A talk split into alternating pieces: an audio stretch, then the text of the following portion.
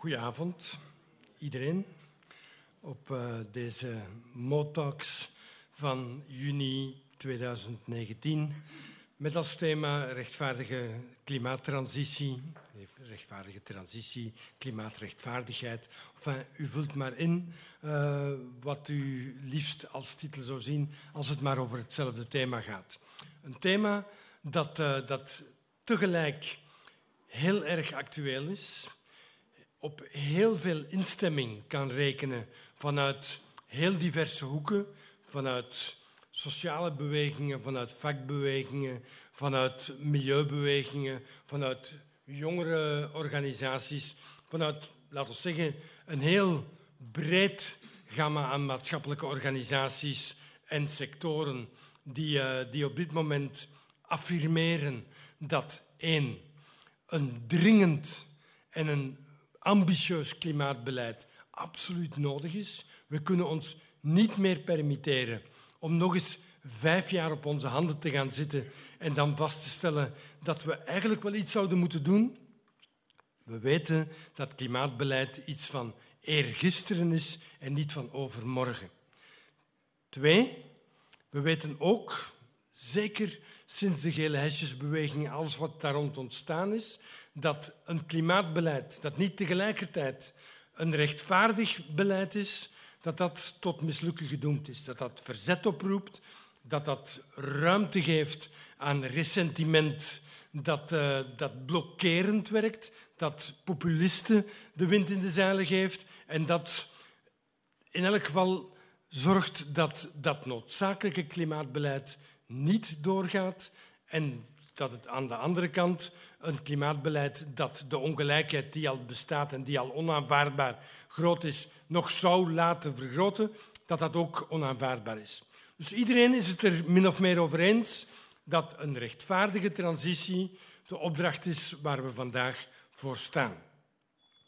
Hoe die er moet uitzien, wat dat betekent, welke consequenties dat, dat heeft, wie dat gaat betalen en waar we eigenlijk als samenleving willen uitkomen, dat zijn vragen die onder die consensus op dit moment een beetje verborgen blijven, ehm, maar die noodzakelijk naar boven moeten gehaald worden als we willen zorgen dat die consensus ook echt een beleid wordt. We hebben geprobeerd om in het nummer uh, dat vandaag verschenen is van Mo Magazine een aantal van die thema's uh, te benoemen ook wat concreet te maken op journalistieke manier, met reportages, met analyses, met interviews.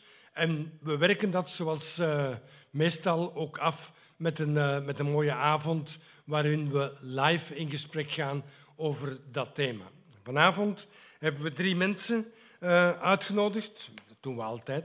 Maar dus vanavond zijn die drie mensen Kitty Jong. En Kitty Jong is sinds twee jaar vicevoorzitter van FNV.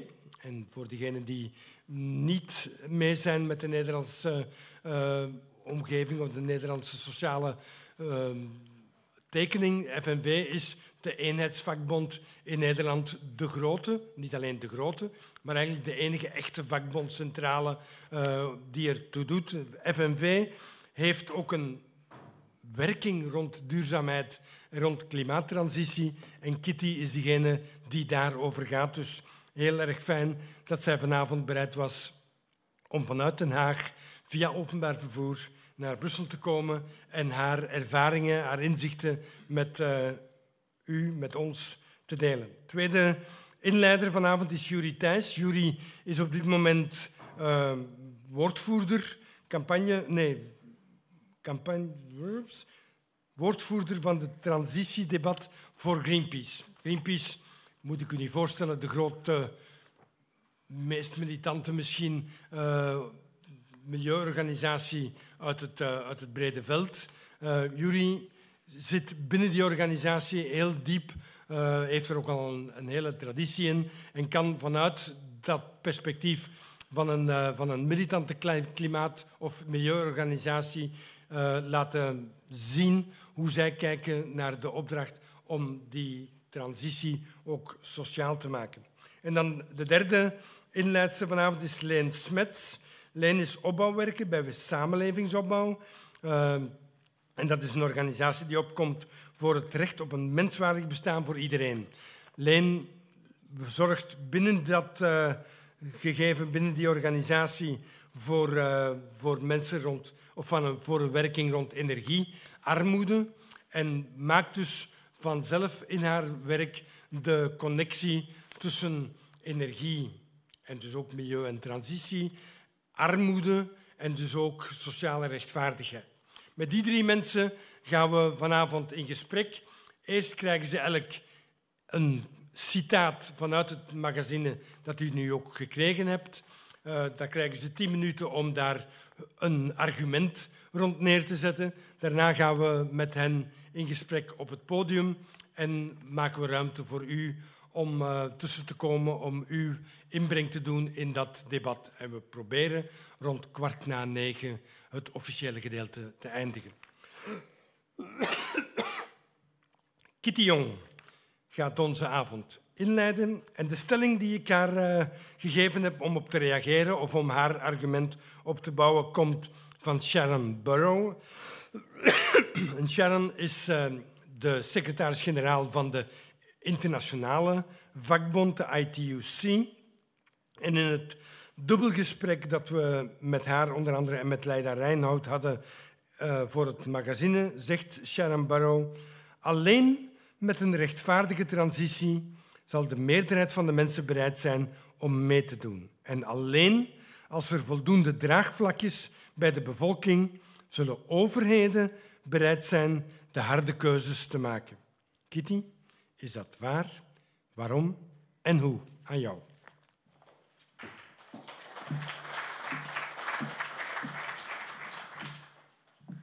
Dankjewel, dankjewel voor de mooie inleiding. En bedankt voor de, voor de uitnodiging en de kans om het Nederlandse verhaal hier in Brussel uh, te vertellen. De microfoon zit een beetje voor mijn gezicht. Ja, ik ben niet zo groot. oh. Ja.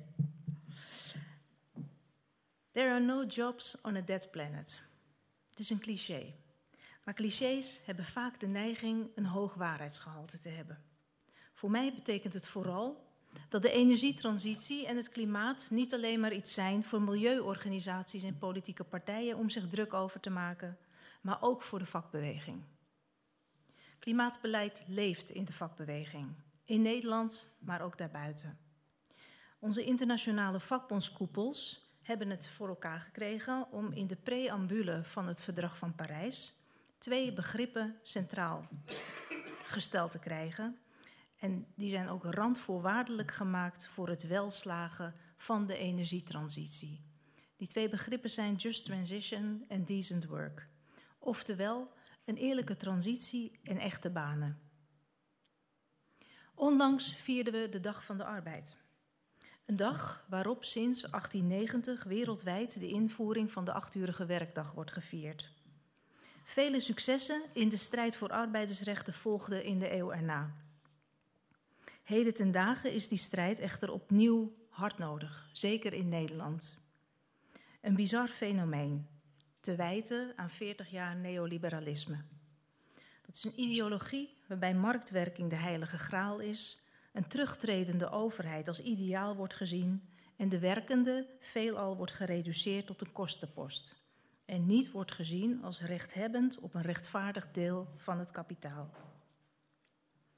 Deze constatering is des te schrijnend als we hem afzetten tegen het uiteindelijke doel van het te maken klimaatbeleid. Een duurzame samenleving, veiligstellen voor onszelf, onze kinderen en onze kleinkinderen.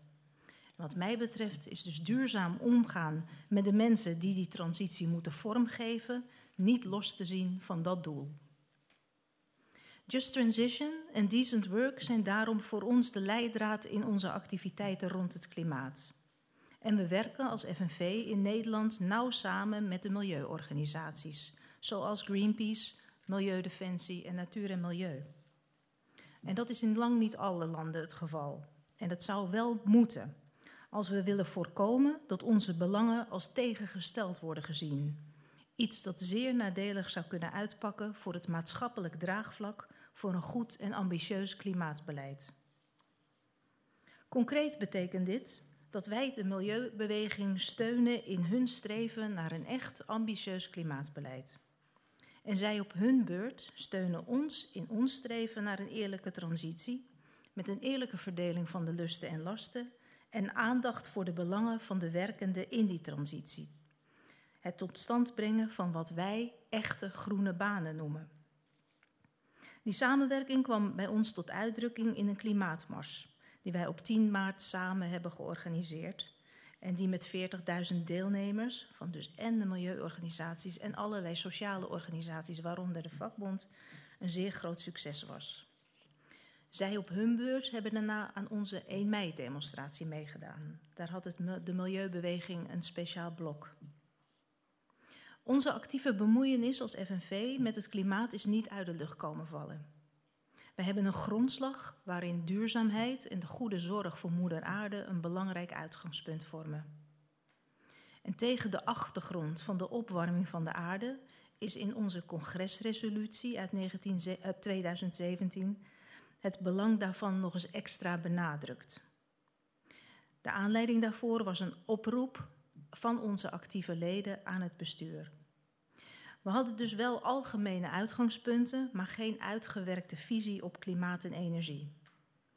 En als portefeuillehouder gekozen op datzelfde congres heb ik die handschoen opgepakt. In een intensief traject met een brede vertegenwoordiging vanuit de achterban hebben we onze visie vorig jaar in ons ledenparlement vastgesteld. Daarvoor hoefden we dus niet bij nul te beginnen, want er is al jaren een zeer actieve klimaatwerkgroep met enthousiaste vakbondsleden die al veel inzichten hadden opgedaan. En het belang daarvan kan niet genoeg worden benadrukt. Want onze inspanningen als vakbeweging kunnen alleen maar dan succesvol zijn als ze gedragen worden door onze leden. En als we oprecht gebruik maken van hun inbreng en opinie. De FNV participeert in het Nederlands Klimaatakkoord, dat is onze nationale vertaling van het Verdrag van Parijs. En die inzet is wat ons betreft twee, drieledig. Op de eerste plaats steunen we zonder voorbehoud de doelen uit het Parijsakkoord. Maar we hebben daarbij de focus op wat de transitie betekent voor de arbeidsmarkt. We moeten zorgen voor om-, her- en bijscholing van werknemers, allereerst in de fossiele industrie. Tegelijkertijd willen we voor starters op de arbeidsmarkt zorgen voor echte groene banen. Dat zijn banen met goede arbeidsvoorwaarden, volwassen arbeidsverhoudingen, een goede arbeidsinhoud en niet te vergeten veilige arbeidsomstandigheden. 28 april was het Workers' Memorial Day. De dag waarop wereldwijd de doden als gevolg van een arbeidsongeval of blootstelling aan gevaarlijke stoffen wordt herdacht. Dat zijn er elk jaar wereldwijd bijna 3 miljoen. Daarvan 4000 in Nederland en dat aantal stijgt. Het FNV vreest dat als daar niet genoeg aandacht voor is in de energietransitie, die energietransitie daar een negatief effect op zal hebben. Denken daarbij bijvoorbeeld bij de installatie van, van zonnepanelen en de plaatsing van windturbines op zee. Tegelijkertijd staat vast dat niet iedereen de omschakeling mee zal kunnen maken. Voor de mensen die hun werk verliezen en niet van werk naar nieuw werk kunnen worden begeleid, moet een compensatie voor hun inkomensverlies komen via een transitiefonds. Iets dat we op dit moment een kolenfonds noemen.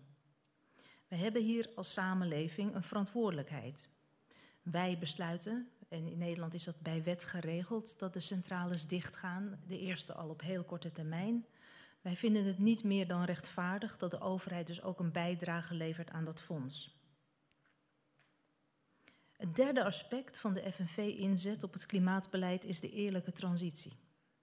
De eerlijke verdeling van de kosten van de energietransitie. En zoals in Nederland al volop zichtbaar is, is dat het cruciale aspect voor het maatschappelijk draagvlak.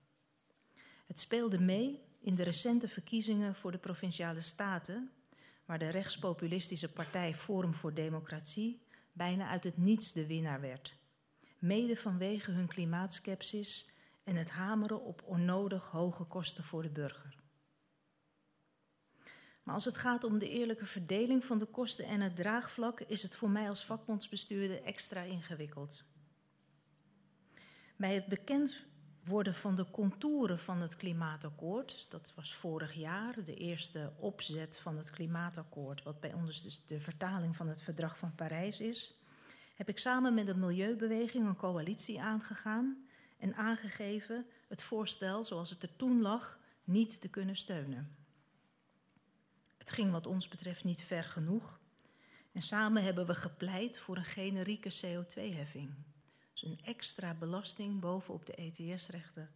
Dus een extra beprijzing op de uitstoot per ton. Die CO2-beprijzing zou moeten worden betaald door de vervuilers, de industrie die ook het meeste uitstoot. Maar het zal duidelijk zijn dat dit voor ons als vakbond een gevoelige aangelegenheid is, omdat we tegelijkertijd ook opkomen voor de belangen van de werknemers die in precies die industrie werken. Terwijl we daarnaast in het belang van al onze leden ook vooruit moeten kijken naar de duurzame toekomst. En dat is een delicate balans, waarbij ik de opdracht voel om die zeer zorgvuldig te bewaren. En dat evenwicht bewaren kan alleen als we goed samenwerken met de milieubeweging en de politiek. Want als er al te radicale voorstellen komen, zonder rekening te houden met de kosten voor de burgers of voor het midden- en kleinbedrijf, of als wordt onderschat wat de effecten voor het bedrijfsleven zijn, zonder oog te hebben voor de betrokken medewerkers, dan zal het draagvlak bij onze miljoen leden heel snel aflemen. Dit zijn aspecten van beleid op de arbeidsmarkt waar we ons op richten. Goed klimaatbeleid is van groot belang, ook in onze ogen. Maar het is tegelijkertijd een goede gelegenheid om dat beleid te koppelen aan goed vakbondswerk. En we wachten daar als FNV niet af, niet leidzaam af, wat de maatregelen van het kabinet zullen zijn. We hebben een eigen klimaatvisie gemaakt, onze eigen Green New Deal. En om die in de praktijk te brengen, hebben we een doelagenda gemaakt, een plan. Een paar voorbeelden uit dat plan. We hebben een maritieme bond, Nautilus. En daarmee hebben we een project Wind op Zee. In de Noordzee, voor onze kust, zijn inmiddels eh, enorme windparken aan het verrijzen. Dat is een nieuwe sector die nog niet goed is gereguleerd. En daar willen we een CAO tot stand brengen en zorgen dat het daar gaat om echte goede, veilige banen.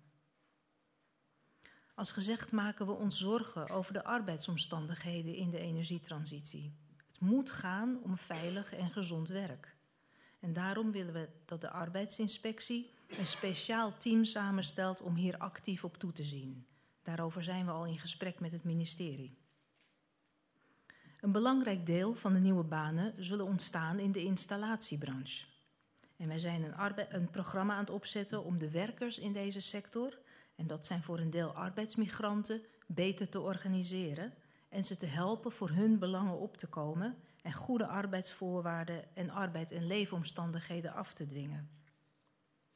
En samen met de Vereniging van Duurzame Energieproducenten in Nederland zetten we op dit moment een project om, op om die bedrijven bewust te maken dat het niet alleen gaat om planet en profit, maar dat ook de P van people, hun werknemers, van groot belang is. We willen op meerdere plekken, en dat zijn het al aan doen, uh, in het land meetups organiseren met jongeren. Want het gaat om hun toekomst. In algemene zin, maar ze willen ze het ook bewust maken van het feit dat ze terecht moeten komen in echte groene banen. En we hebben 30 vakbondshuizen in het land. Daar gaan we bijeenkomsten organiseren voor onze leden, maar ook niet-leden, om het belang van de klimaatmaatregelen te benadrukken, ze de mogelijkheden aan te reiken de situatie in hun eigen dorp, stad of regio te beïnvloeden en ook het draagvlak te bevorderen. Ik rond af. Zoals ik al zei, is de samenwerking erg belangrijk. Tussen de vakbeweging en de milieuorganisaties, tussen vakbonden onderling, nationaal en internationaal, en ook zoals we hier zitten. Allemaal mensen die de noodzaak tot verandering erkennen en samen willen nadenken hoe de transitie zo effectief en verstandig mogelijk tot stand kan worden gebracht met behoud van het oog voor urgentie. Het is al lang niet meer de vraag of de, trans of de transitie tot stand moet komen, maar de vraag hoe we dat gaan doen, ook met betrekking tot de arbeidsmarkt. Want laten we niet vergeten, zoals Naomi Klein al zei, this changes everything. Dankjewel.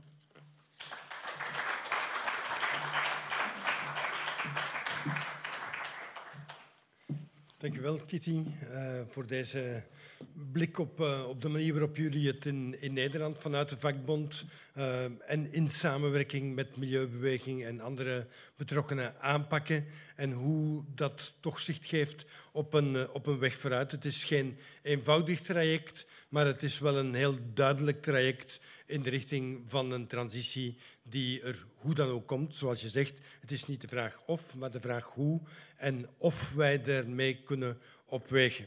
Jury uh, Thijs kreeg, Thijs toch hè, uh, kreeg zijn stelling, ja, achternamen ontglippen mij soms, kreeg de volgende stelling, een citaat van Gregory Kleis van de denktank Breugel, hier in uh, Brussel, een van de denktanks die uh, rond de Europese Unie en Commissie cirkelen. En de stelling van Kleis is: onderzoek leert dat de meeste beleidsmaatregelen om afstand te nemen van koolstof in de praktijk regressief zijn. Dat wil zeggen dat ze vooral mensen met een hoger inkomen helpen, dan wel met mensen of gezinnen met een lager inkomen raken. Het is een hele uitdagende stelling, denk ik, voor milieubeweging die alles wil doen om af te raken van koolstof. Jury.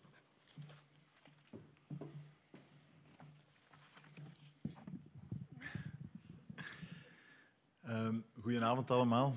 Um, ik ga beginnen met te zeggen dat er voor jullie uh, een hoopvol man staat. Toch wel. Um, waarom? Omdat het overgrote deel van de bevolking, ook hier bij ons in België en in Vlaanderen, is echt wel mee met de noodzaak om dat klimaatprobleem aan te pakken. Dat is gebleken uit onderzoek, uit peilingen, maar vooral door het voorbije half jaar hebben we miljoenen mensen op straat eh, zien komen wereldwijd. Ook hier bij ons, massaal. Uh, burgers en vooral ook de jongeren uh, die keer op keer de straat opkwamen. En dat, dat stemt ons uiteraard hoopvol. Hè. Wij um, hebben uiteraard ook al een eerste analyse gemaakt na 26 mei. Maar we willen ons ook niet blind staren op die uitslag van de verkiezingen. En vooral ook niet op het vaak echt negatieve discours in het klimaatdebat voor uh, eh, 26 mei. Wij zijn ervan overtuigd, en we, voelen dat ook, we merken dat ook, dat die duizenden gesprekken aan de keukentafel die plaats hebben gevonden dankzij die klimaatjongeren, ik heb dat rondom mij ook uh, gemerkt, ook buiten de groene bubbel, op het voetbal, uh, op familiefeesten, gemerkt dat dat thema um, aan heel vele keukentafels besproken is. Wij merken dat ook in onze gesprekken met politici de, de afgelopen maanden.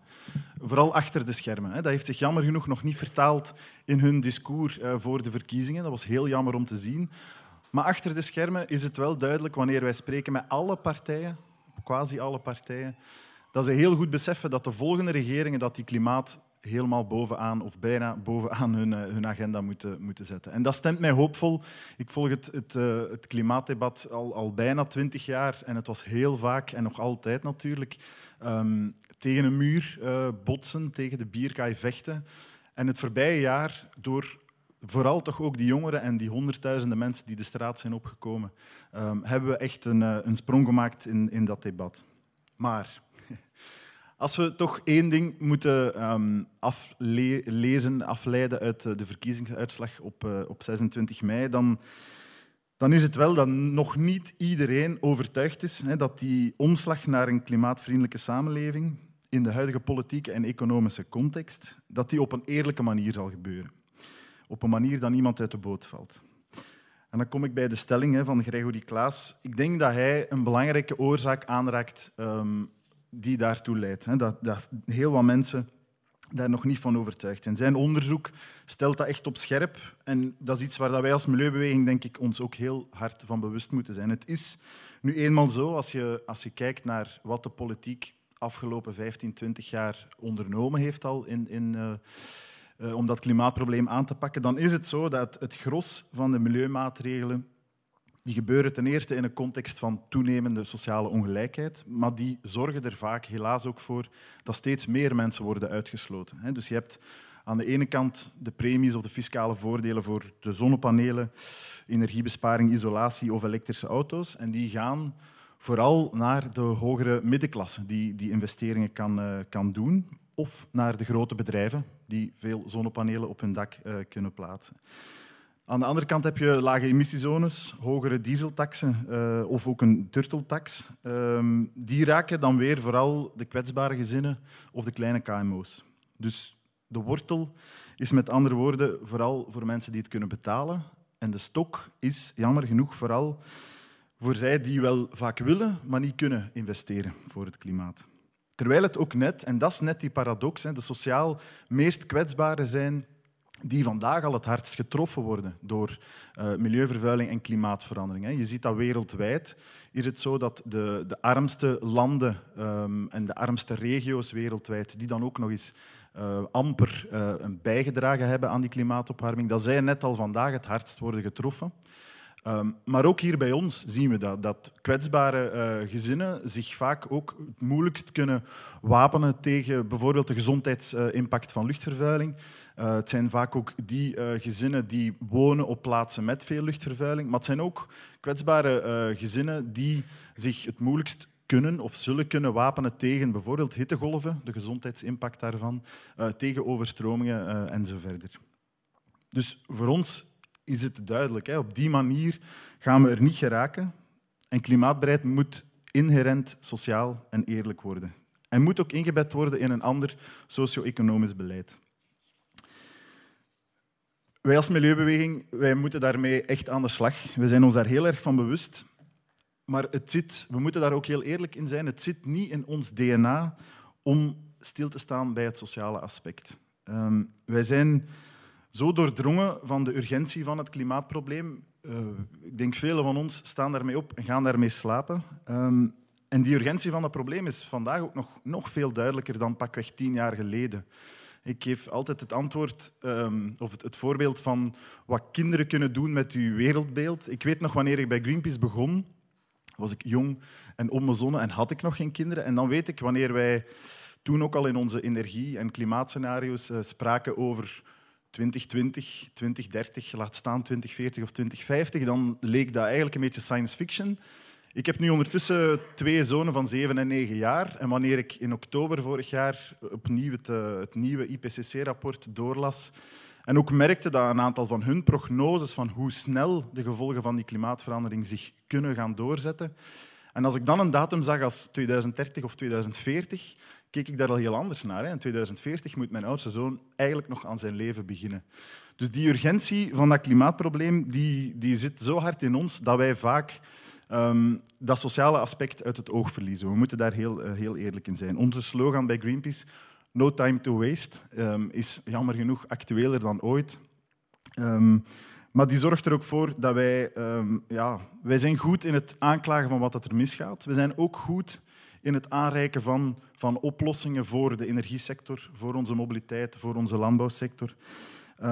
Maar doordat die urgentie van het klimaatprobleem ons zo voortstuwt, no time to waste, staan wij te weinig stil bij die sociale dimensie. Um, daar moeten we eerlijk in zijn en daar moeten wij als milieubeweging samen met andere partners in het middenveld, met de vakbonden, um, met, met sociale bewegingen, moeten wij daar meer mee aan de slag.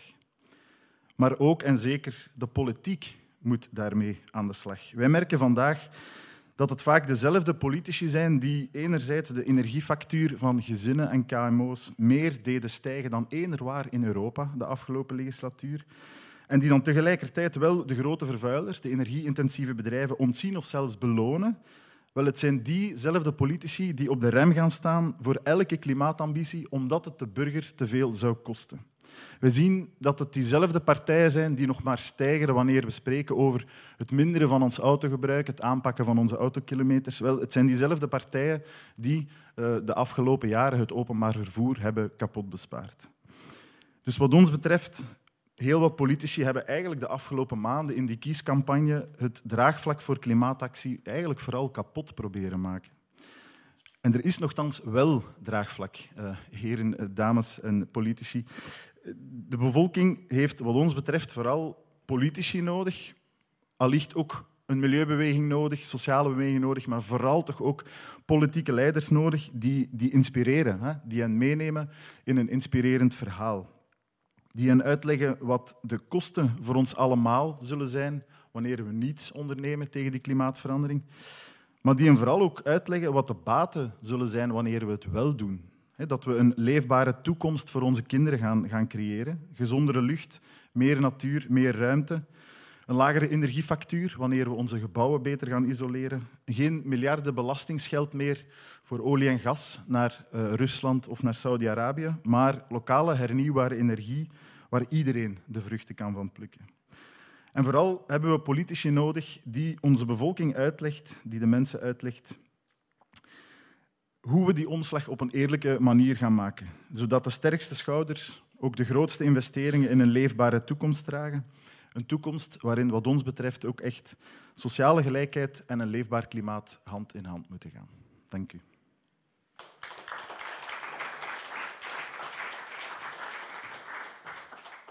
Dank u, Juri. En, uh, het is altijd goed in eigen hert te kijken voor het slapen gaan. Dus ik denk dat het een, uh, een, interessante blik in de spiegel was voor iedereen die met milieubeweging, met milieuactie bezig is. Om te zien hoe aan de ene kant de urgentie van de actie en van het beleid ons uh, voordrijft. En aan de andere kant ons ook dreigt te laten voorbijhollen aan de, de, sociale consequenties van dat beleid of aan het feit dat heel veel mensen die aan de sociale zelfrand van de samenleving zitten eerder geraakt worden dan geholpen worden door bepaalde maatregelen en hoe we dat uh, moeten bijsturen, hoe we dat moeten omkeren in een rechtvaardig klimaatbeleid.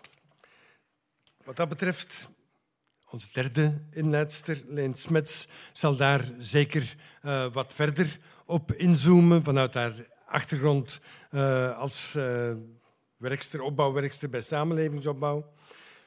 De stelling die ik haar gestuurd heb om op te bouwen of om rond te praten, is de stelling van David de Vaal, die zij ongetwijfeld goed kent, van het netwerk tegen armoede.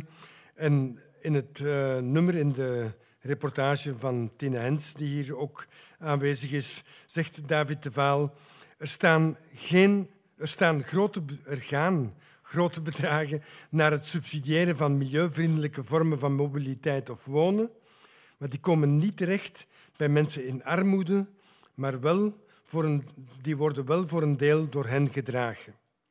Wie salariswagens subsidieert, investeert minder in openbaar vervoer. Hoe dat anders kan, Leen, is een vraag voor jou.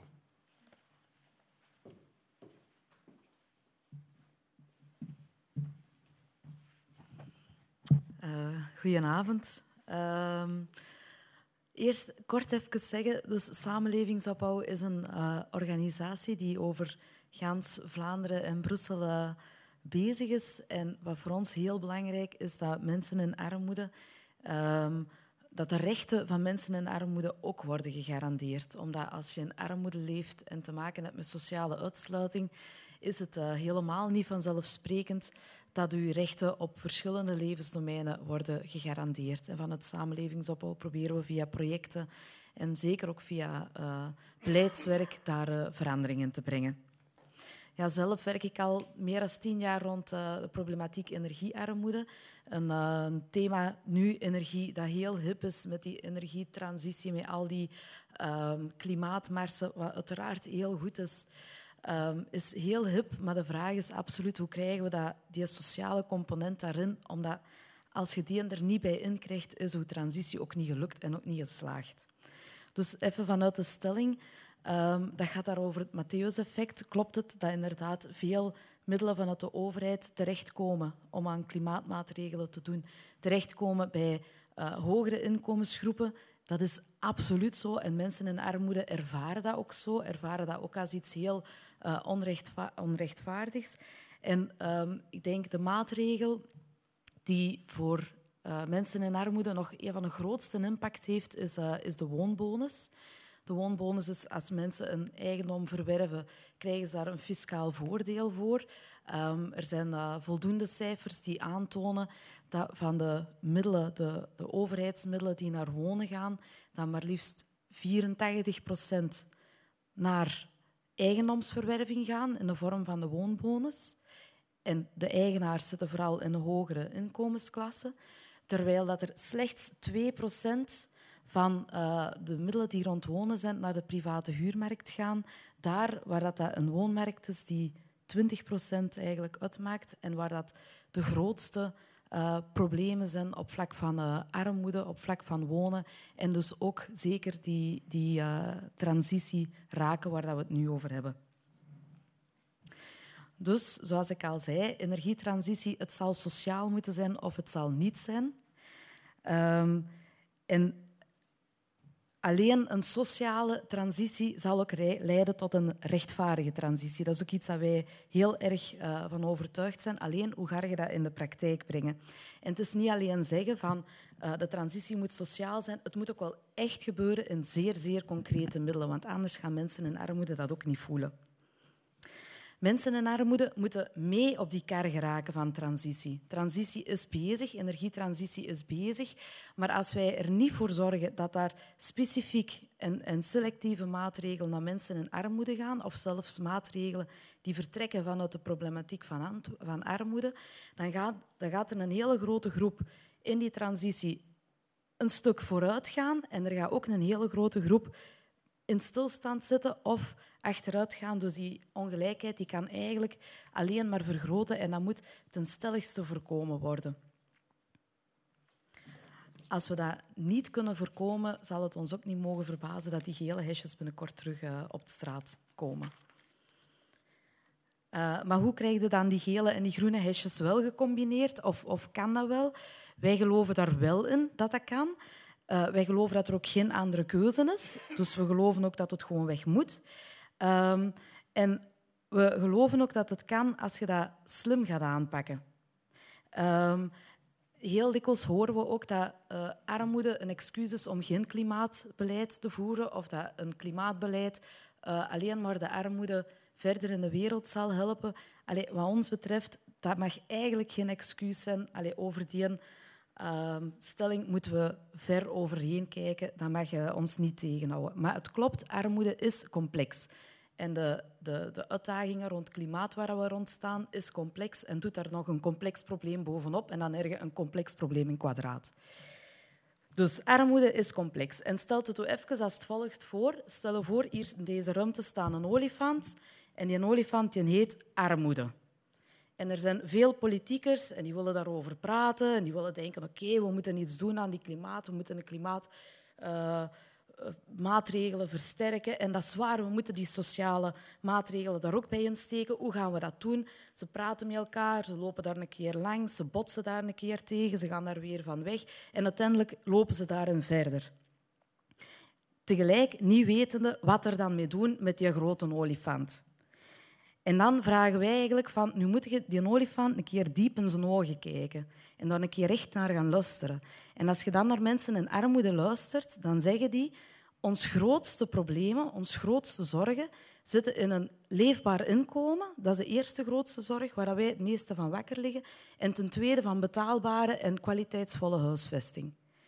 Dus de, de, de, dingen, de dingen waar zij het meeste in raken en waar ze van zichzelf vinden van hier gaan wij de grootste stappen vooruit kunnen zetten, hebben te maken met inkomen en met huisvesting. Ik ga het vandaag niet hebben over inkomen, want dat gaat in tien minuten helemaal niet. Maar, allez. Dus we gaan het vooral over huisvesting hebben. En dan met een link met energietransitie. Dus het is dan ook de taak van de politiekers om, om, die, om die bezorgdheid ook wel heel erg serieus te nemen. En dan komen we eigenlijk aan de hamvraag. Hoe krijg je mensen in armoede, hoe krijg je alle mensen in armoede in woningen die betaalbaar zijn, kwaliteitsvol zijn en energiezuinig zijn. Omdat op dit moment is dat absoluut niet gegarandeerd. Um, we maken ons vanuit onze sector veel zorgen, maar wij geloven ook wel dat er veel oplossingen zijn. Maar dat gaat wel enige politieke moed en enige politieke durf uh, vragen. Maar voilà. Uh, voilà. Dus, energietransitie geweest. Tegen 2050 moeten alle woningen energiezuinig zijn. Dat wil zeggen, alle woningen moeten energiezuinig zijn. En dat wil dus ook zeggen dat alle woningen waar alle mensen in armoede wonen, ook energiezuinig moeten zijn. Vertrekkend vanuit de realiteit die wij nu hebben, en dat is dus waar vinden we de mensen in armoede? Dat is enerzijds op de sociale huurmarkt, ten tweede op, de, op het onderste segment van de private huurmarkt. En afhankelijk van het onderzoek zeggen ze van ofwel het onderste een derde segment van de private huurmarkt, ofwel de onderste helft. Dat laat ik dan nog in het midden. En ook op de eigendomsmarkt, ook alweer het onderste segment van de eigendomsmarkt. Dat is waar dat we de mensen in armoede vinden. En dat zijn dan ook volgens ons de huizen die moeten aangepakt worden met behulp van de maatschappij. Eerst nog iets dat ik daarvoor nog wil zeggen. Ehm, de impact op het klimaat, of de impact van verouderde woningen en energiezuinige, energieverslindende woningen is, uh, is groot voor het klimaat. Maar de impact van slecht wonen bij de mensen is minstens even groot. Dus vanuit samenlevingsopbouw zeggen wij van het kost de maatschappij ontzettend veel geld om mensen in slechte woningen te laten wonen. Um, om dat een beetje concreter te maken, als je, in slechte, als je in een woning woont waar veel vochtproblemen en schimmelproblemen zijn, kan dat een immense impact hebben op uw, op uw gezondheid. Hè, dus dat kan luchtwegenproblemen meebrengen. Maar dat is dikwijls een enige die naar boven wordt gehaald. Er zijn ook nog vier andere uh, domeinen op vlak van slecht wonen dat heel veel naar boven komen. Als je nu bijvoorbeeld in een woning woont met uh, zeer verouderde uh, verwarmingssystemen zonder isolatie, de kans dat je facturen uh, heel hoog oplopen en onbetaalbaar worden, is zeer reëel. Dus slecht wonen, het kan u echt financieel ruïneren. Maar daarnaast, als een woning u financieel ruïneert, maar ook fysiek ruïneert, dat dat heeft ook een impact op je mentale gezondheid. Dus mensen die slecht wonen, dat heeft een gigantische impact op een stressniveau of op een depressieniveau. En als je in armoede leeft, dat is een uh, stuk overleven dat je 24 uur per dag, 7 dagen per 7 meemaakt. Dus die constante stress waar je in leeft, dat is iets waar je als beleidsmaker mee rekening zult moeten houden. Maar ook de impact op je sociaal leven, het feit dat je mensen minder gaat uitnodigen omdat je een stukje schaamt voor die woonsituatie, of een maatschappelijke gezondheid. Bijvoorbeeld kinderen moeten gaan studeren in een woning die niet goed verwarmd geraakt, of bijvoorbeeld door uh, astmaproblemen kan de ouder niet meer gaan werken en is tijdelijk uh, ja, um, afwezig van zijn werk. Dat heeft een, een hele grote uh, impact. Als we dat gaan proberen om te draaien, en we zeggen bijvoorbeeld van wat is dan de maatschappelijke winst van goed wonen? Dan ga je merken dat dat tegelijk heel veel problemen gaat oplossen. Dus het welzijn van de mensen gaat daarop op vooruit, maar ook zeker naar energie. Als we dan terug de link naar energie maken, als, mensen, als we erin slagen om mensen in armoede in goede kwaliteitswoningen te steken, dan gaat, gaat dat natuurlijk ook immense voordelen hebben naar die energietransitie. Omdat wonen nu ene keer een heel belangrijk vertrekpunt is voor voor veel problemen op te lossen. Nu, dat gaat veel geld kosten. En het geld zit hem niet bij mensen in armoede. Dus daar moeten we het niet gaan zoeken. We krijgen zo, um, in het verleden hadden we zoiets van dat we dan vragen kregen. Ja, maar ja, je kunt toch een sociale, een, een, um, een, een Vlaamse energielening aanvragen voor het steken van dakisolatie. Uh, dan moeten ze nog maar 1000 euro opleggen. Ja, als je die 1000 euro niet hebt, dan heb je die niet. Dus het geld zit hem niet bij mensen in armoede. We gaan dat ergens anders moeten zoeken. We gaan dat bij de maatschappij moeten zoeken, omdat dat ook ons maatschappelijke opdracht is. En investeren uh, zal geld kosten, maar zal ook lonen. Um, terug naar ons hamvraag. Hoe krijgen we mensen in armoede in energiezuinige woningen? Uh, de eerste belangrijke, belang, of de allerbelangrijkste oplossing is daar sociale woningen, sociale huur. Um, we weten dat sociale huur eigenlijk een, een dam vormt tegen armoede. En we weten dat het armoederisico van een sociale verhuurder met 40% daalt. Dat is gigantisch.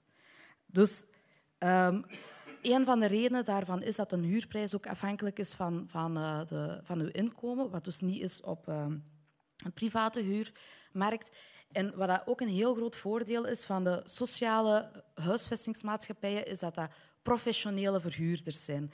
Die staan daarmee een team en die kunnen uh, bepaalde projecten grootschalig aanpakken. Dus als er een nieuw uh, woonproject wordt gemaakt, is dat sowieso toekoer een energiezuinig woonproject. Ah ja, want je moet uh, volgens bepaalde normen bouwen. Dus in sociale huisvesting is een, een, ja, een van de manieren om uit die problemen te geraken. Dus wat hebben we nodig? Dat we massaal gaan bijbouwen en dat we grondig gaan renoveren. Nu zit uh, de sociale huisvestingsmarkt um, op 6 procent. Als je weet dat, um, dat er tot 15 procent mensen in armoede wonen, dan weten we dat dat um, ja, eigenlijk dringend minstens moet verdubbeld worden. We weten dan ook dat er uh, tienduizenden gezinnen op de wachtlijst staan, letterlijk te wachten op een, uh, een goede woning. Maar dat is niet de enige oplossing, want dat gaat ook te traag gaan. Um, de, een tweede woonmarkt waar dat we ons mensen vinden is op de private uh, huurmarkt. Dat zit een, een, een pak complexer in elkaar. Um, door de superlange wachtlijsten uh, moeten heel veel mensen in armoede gaan zoeken op die private huurmarkt. Wat is de realiteit van vandaag? Is dat er um, het aanbod aan, hu aan huurwoningen te koer, of dat ze nu goed of slecht zijn, is te klein. En het aantal mensen dat op zoek is naar een huurwoning ligt een pak hoger. Dus dat wil zeggen dat die markt, dat vraag en aanbod, totaal ontwricht is. En dat zorgt er in de praktijk voor dat die huurprijzen gigantisch stijgen, maar ook dat de kwaliteit niet vooruit gaat. Omdat voor elke woning en ook voor elke slechte woning staan er minstens twintig huurders en vaak een pak meer huurders te wachten op die slechte woning. Dus daar moet de overheid gaan investeren. Er is ook een heuse wooncrisis aan de gang op dit moment. En uh, mensen in armoede gaan niet kiezen naar een energiezuinig huis. Mensen in armoede gaan kiezen naar het huis waar, dat ze, waar dat ze worden geaccepteerd. Dus je gaat niet van mensen in armoede kunnen verwachten dat ze die problematiek op de private huurmarkt gaan kunnen aanpakken. Dat is iets voor de overheid. Conclusie is, die markt die moet grondig versterkt worden en die moet veel aantrekkelijker worden en er moet een doorgedreven aanbodbeleid komen. Zodanig dat het voor mensen die erover nadenken om te verhuren, dat het veel um, uh, aantrekkelijker wordt om dat ook te gaan doen. En een van die voorstellen is, om dat concreet te doen, is geconventioneerde huur, waar dat je eigenlijk het energieaspect perfect kunt koppelen aan, aan een doelgroep. En dat is een systeem, het bestaat nog niet. Homans had het in de conceptnota geschreven, maar ik denk dat het vooral was om te sussen. Allee, om, om niet veel mensen meer aan het woord te laten. En uiteindelijk is het niet uitgevoerd, maar het zou toch iets, ze zouden het toch op de palmares kunnen gezet hebben. Geconventioneerde huur is eigenlijk dat je een financiële stimulus geeft aan een verhuurder als je ten eerste een woning verhuurt die minimaal uh, kwalitatief in orde is. Gaat over minimale kwaliteitsnormen, dus dat gaat over veiligheids- en gezondheidsaspecten. Ten tweede, als daar in die woning iemand komt die op de wachtlijst staat voor een sociale woning. Ten derde, als ze daar ook nog eens rekening mee houden met een gereguleerde huurprijs. En ten vierde, die premie kan alleen maar stijgen als het een energiezuinige woning is. Dat gaat alleszins die markt een pak aantrekkelijker maken en dat gaat ermee voor zorgen dat een toegang van mensen op armoede veel groter is. Er zijn nog andere dingen, maar ik denk dat dat anders te ver gaat leiden. Hè. En dan ook op de eigendomsmarkt. Op de eigendomsmarkt zijn ook uh, naar schatting 120.000 gezinnen die uh, niet meer de middelen hebben om een woning um, te verbeteren naar energiezuinige uh, normen omwille van financiële redenen. Ook daar is het ding, het geld zit hem niet bij die mensen. Nu, daar is uh, uh, Knaptop is bijvoorbeeld een, een, uh, een, een, project ja, ook van, van samenlevingsopbouw in Gent, waar dat daar op die problematiek heel hard gewerkt heeft. En die hebben gezegd, oké, als je een eigenaar hebt en je kan zijn eigen woning niet verbeteren omwille van financiële redenen, hoe kunnen we er dan voor zorgen dat die financiële die, die financiën er wel zijn om het er wel te kunnen doen. En zij hebben een rollend fonds opgericht, waar dat uh, arme eigenaars, die dan geselecteerd werden, want het was ook een proefproject, een budget krijgen van 30.000 euro om een woning te verbeteren, onder begeleiding, zodanig dat de juiste prioriteiten worden gelegd. En die 30.000 euro die moet terugbetaald worden op het moment dat uh, de woning ontvreemd wordt. Dus bijvoorbeeld via erfenis of bijvoorbeeld bij verkoop. En dat maakt dus dat er een zeer traag rollend fonds is, maar dat er wel eindelijk een oplossing is voor mensen die niet het budget hebben om een woning te verbeteren, om dat dan wel te gaan verbeteren. En blijkbaar is dat in zo'n goede aarde gevallen bij om te beginnen bij, bij voormalig minister Turtelboom, want die is alles gestart. En zij heeft gezegd van oké, ik wil dat systeem wil ik omzetten op Vlaams niveau. En uh, onlangs is het ook eindelijk uh, goedgekeurd dat dus, uh, Vlaanderen een fonds, een noodkoopfonds heeft opgericht voor arme eigenaars om wel degelijk hun woningen te verbeteren. Een hele goede stap in de goede richting, maar voorlopig nog te weinig. Maar kom, de eerste stap is gezet. Ik zou nog kunnen doorgaan. Hè. Voilà, ik zie het. voilà. Mag hier gaan. Dankjewel, Leen. Uh, het, het, had inderdaad nog uh, verder kunnen gaan. Er zijn zeker nog veel verhalen te vertellen, maar ik denk een van de, van de krachtpunten van de inbreng van Leen is uh, hoe zij erin slaagt om duidelijk te maken hoe concreet de hele thematiek is. En niet alleen uh, om daar een, concreet voorbeeldje van te geven, maar ook om te tonen op welke manier uh, organisaties, uh, allerhande, niet alleen samenlevingsopbouw, maar ook anderen, daar concreet mee bezig zijn, concrete stappen vooruit zetten en aanduiden waar de echte knelpunten zitten, waar de flessenhals zit, om van transitie ook een sociaal verhaal te maken en om van een sociaal beleid ook echt een transitieverhaal te maken. Dus uh, daarmee hebben we drie inleidingen gehad en zijn we bijna klaar om even met elkaar in gesprek te gaan. Er moeten nog twee mensen aangetuigd worden en dan zijn we klaar.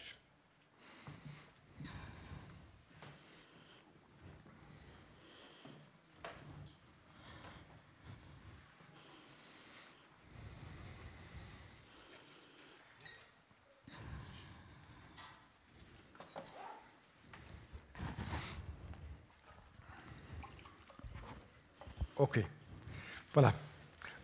Hier zijn we. Uh, ik zou even willen, willen vertrekken van, van één uh, stukje uit, uit wat Leen daarnet zei. En dat trof mij omdat, omdat ik denk dat het een heel belangrijk uh, element is om de discussie mee verder vooruit te helpen en vooruit te duwen. Namelijk, in plaats van te zoeken en te focussen op uh, alleen maar, want dat doe je natuurlijk ook, op, op de kosten en wie gaat dat betalen, heb je op een bepaald moment gezegd, we zijn gaan zoeken naar wat is de maatschappelijke winst van uh, dit soort ingrepen, van het feit dat mensen in armoede, dat die in een goede, een gezonde, een energiezuinige en een betaalbare woning kunnen leven. Dat begrip maatschappelijke winst, Jury, maken we daar genoeg gebruik van in onze discussies over klimaat, over transitie, over sociale transitie? Ja, je ziet dat bijvoorbeeld in de mobiliteit ook. Hè. Ik, denk dat dat raakt aan uh, wat, wat dat je in je inleiding ook hebt meegegeven, dat we in een neoliberaal systeem zitten. Kitty heeft er ook naar verwezen, waarin dat winst um, en, optimalisatie uh, heel, heel sterk meespeelt. En waar dat je bijvoorbeeld, als je naar het openbaar vervoer kijkt, ook continu mee geconfronteerd wordt. Hè. Waarom is er uh, ja, de afgelopen tien jaar al zo zwaar bespaard op dat openbaar vervoer? Omdat men dat wil optimaliseren, we willen zo weinig, en zoveel mogelijk terugwinnen van, van, de, van de kosten. En daar wordt er eigenlijk totaal voorbij gegaan aan dat aspect van maatschappelijke winst. Hè. Wat dat een goed openbaar vervoer um, en dan kun je dat gaan uitbreiden ook naar een betere ruimtelijke ordening bijvoorbeeld. Hè, wat dat, dat opbrengt op termijn qua, qua, qua maatschappelijke winst. Alleen, je, kunt dat, niet in alle, je kunt dat niet in alle debatten doortrekken natuurlijk, omdat mensen zelf hebben daar vaak weinig boodschap aan. Hè, dat wanneer zij hun dieselwagen laten staan, dat daar een grote maatschappelijke winst te boeken is. Meestal op individueel niveau kun je daar mensen niet echt mee, mee overtuigen. Maar wanneer een overheid beleidskeuzes gaat maken, zou dat natuurlijk wel echt moeten meespelen. Er zijn al jaren uh, studies gemaakt en verschenen en besproken waaruit blijkt dat uh, investeren in hernieuwbare energie uh, tienduizenden nieuwe en groene jobs zou creëren. Dat is ook een vorm van maatschappelijke winst die berekend wordt in zo'n transitieverhaal. Maar blijkbaar overtuigt dat mensen niet, niet helemaal. Of, of zijn mensen tenminste er niet van overtuigd dat die nieuwe baan een goede job gaat zijn, een vaste job, een goed betaalde baan, uh, en dat die voor hen gaat zijn. Is, is, is er in zekere zin, ook al zien we bepaalde maatschappelijke winst in het uh, transitieverhaal, is er voldoende connectie, wat, wat jullie ook al aangeeft, met de persoonlijke angsten en, uh, en ervaringen van mensen in dat verhaal? Nou, het is in Nederland, de Nederlandse situatie is misschien een, een andere. Die angst zit niet zo erg bij de mensen, zeker niet bij jongeren. Waar wij in Nederland mee te maken hebben, is een doorgeslagen, geflexibiliseerde arbeidsmarkt. 40% van de mensen werkt uh, niet in vaste dienst, heeft geen vast contract, werkt op uitzendbasis, werkt um, um, met een nul-urencontract. Hè, dat je altijd gewoon beschikbaar moet zijn voor de arbeidsmarkt zonder dat je weet hoeveel uren je hebt. Een tijdelijk contract. Na twee jaar moet je in vaste dienst genomen worden. Dus na 23 maanden worden mensen ontslagen. Daar hebben wij extreem mee te maken. Nou, dat schijnt allemaal oorzaken te hebben. Uh, dat maakt dat mensen willen wel zo'n baan, ook in de hernieuwbare energie. Uh, zeker jongeren vinden dat aantrekkelijk. We hebben ook nog wel een probleem met scholing. Mensen kiezen bij ons heel veel verkeerde opleidingen, heel veel nog administratieve, allemaal beroepen die uiteindelijk zullen worden gedigitaliseerd. Dus het zit niet zozeer bij de mensen, het zit wel in dat die neoliberalisering van de arbeidsmarkt in Nederland, uh, dat is een verdienmodel voor werkgevers. Werk, werk, en dat heeft natuurlijk ook te maken met bij ons. Bij jullie is de vakbond bijvoorbeeld nog veel sterker. Uh, bij ons zwakt door die flexibilisering van de arbeidsmarkt uh, de organisatiegraad af. Uh, dus jongeren die geloven niet, eens meer in dat vaste banen bestaan. Laat staan dat die vaste banen zouden kunnen worden gerealiseerd in een nieuwe duurzame economie. En heb je daar een idee van of, of zicht op uh, wat er dan de afgelopen vijf of tien jaar in de hernieuwbare energiesector gecreëerd is aan banen? Zijn dat dan ook vooral flexibele banen of zijn dat uh, goede banen, decent jobs? Nou ja, kijk, het is natuurlijk voor mij onmogelijk vanuit mijn positie te zeggen hoe het overal is. Maar uh, grosso modo, en daarom hebben wij het ook tot, tot een campagne gemaakt om die echte groene banen te creëren, zie je dat vooral um, social dumping, dus onder het minimumloon werken, of he, van arbeidsmigranten, arbeidsmigranten die uh, uh, in Nederland onder het minimumloon werken, terwijl dat in het land van herkomst natuurlijk vaak nog het dubbele is van wat zij verdienen. Daar maken de Polen, of Polen, Roemenen, de Baltische Staten. We hebben in Nederland te maken. En begrijp me niet verkeerd. Ik als vakbond draag vooral uit arbeidsmigranten. He, wij zijn voor open grenzen. Wij zijn voor vrij verkeer van goederen en, en diensten en personen. Um, dus wij zijn helemaal niet tegen arbeidsmigranten. Um, alleen wij willen wel diezelfde arbeidsomstandigheden en arbeidsvoorwaarden voor de migranten als voor Nederlanders. Uh, ook omdat het op dit moment een concurrentiemodel vormt. Uh, arbeiders worden hierin gewoon ook in die nieuwe energie tegen elkaar uitgespeeld. Dus wat zie je in de praktijk? Uh, waterbouwbedrijven, die hebben een aantal jaar geleden, toen ze zagen van hé, hey, die uh, plaatsing van windturbines op zee, dat zou wel eens een hele grote industrie kunnen worden. Hebben toen, dus echt grote bedrijven zoals Boskalis, hebben hun werknemers ontslagen. Uh, Nederlandse werknemers met een cao-loon. Um, en trekken daar nu uh, mensen uit de Baltische Staten voor aan.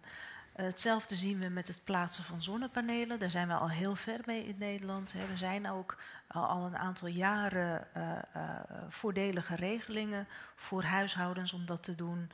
Nou ja, wie, wie zie je daar langskomen? Dat zijn ofwel ehm, de, de, arbeidsmigranten in busjes tegelijk, of het zijn, en dat is ook bij onze kleine zelfstandigen, zonder personeel die dat, uh, die, die dat realiseren voor ons. En daarvan zeggen we, ja, dat kan natuurlijk niet waar zijn.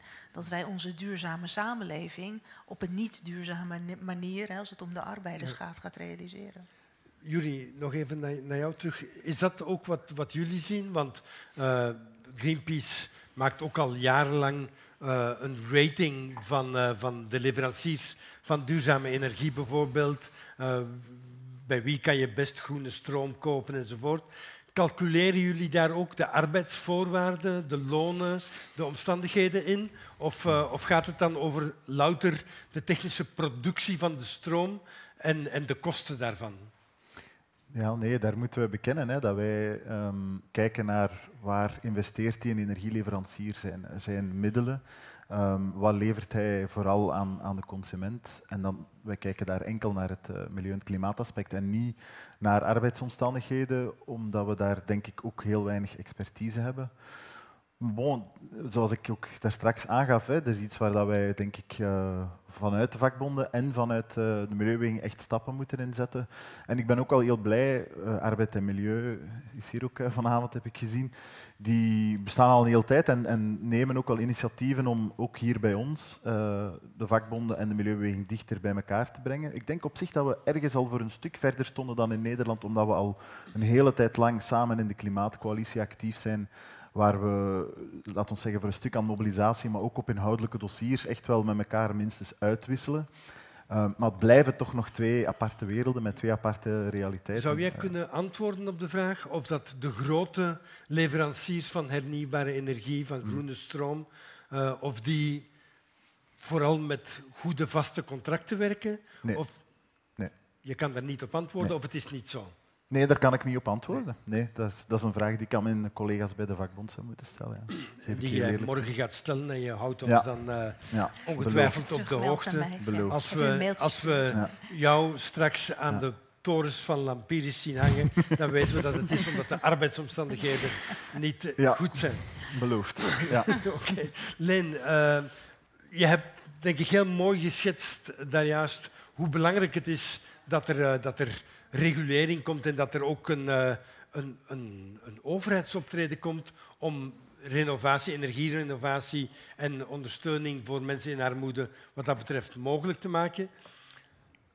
Aan de andere kant, open vraag, uh, zijn mensen in armoede, zoals jij ze kent, bezig met meer dan de kost van de stroom? Zijn ze ook bezig met de vraag is het vervuilend? Is het, uh, is het, draagt dit bij tot een slechter klimaat? Hoe gaan ze daar met, met die vragen om? Ja, eerder beperkt. Hè? En de reden waarom dat mensen in armoede daar over het algemeen niet veel mee omgaan, is dat, er, dat die in heel veel overlevingsstrategieën zitten. En je hebt daar eigenlijk nog een stuk van ja, uh, categorie van mensen in armoede. De mensen in armoede, ik zeg nu maar iets, die ja, uh, net te horen hebben gekregen dat ze een huuropzeg hebben gekre uh, gekregen en ze moeten op zoek naar een andere woning. Ja, ze gaan op zoek naar de woning dat ze kunnen krijgen. Ze gaan niet op zoek naar... Ze zouden dat wel willen in een verbeelding van ik wil een nieuwbouwappartement, maar als dat niet betaalbaar is, je komt daar ook niet aan een bak. En dan is het een beetje ja, kiezen wat, wat, wat, wat dat de rest is. Dus als je in die, in die overlevingsstrategieën op dat moment heel sterk zit en heel sterk moet moet bewegen, is het, um, is het ook niet mogelijk om, daar, om daarop te letten. Nu, er zijn nog wel andere mensen in armoede waar bijvoorbeeld de situatie van voortdurend in overlevingsstrategieën te leven, dat dat een beetje meer gestabiliseerd is en waar dat de, de situatie iets meer, meer rust krijgt, maar nog wel altijd heel moeilijk. En dan merk ik wel van dat daar wel een, een aantal mensen bij zitten die ja wel zeggen van als ik het nu zou kunnen, ik zou zo graag uh, zonnepanelen op mijn dak hebben. Of die bijvoorbeeld er nog wel voor zouden openstaan, moesten ze ooit kunnen zonnedelen. omdat, er, omdat ze bijvoorbeeld zelf een, een huurhuis hebben en dan niet kunnen uh, deelnemen aan, aan, aan het plaatsen van zonnepanelen. Ja, ook te koer, uh, omwille van het geld niet. Maar dat zou nog wel een, doel, een, een groep binnen mensen in armoede zijn die je daar nog wel meer aan gesprek kunt aangaan. Maar mijn ervaring is mensen die uh, in overlevingsstrategieën zitten en van dag tot dag moeten kijken en dan ook in een tunnelvisie kijken, die staan daar niet voor open. En dan is ons mening ook van... Um, dan is het aan de, aan, aan, de overheid om ervoor te zorgen dat dat wel toegankelijk wordt. En dat bijvoorbeeld, wij zijn, uh, momenteel hebben we een idee van uh, hoe krijgen we energiezuinige verwarmingssystemen sneller in huizen waar dat mensen in armoede wonen.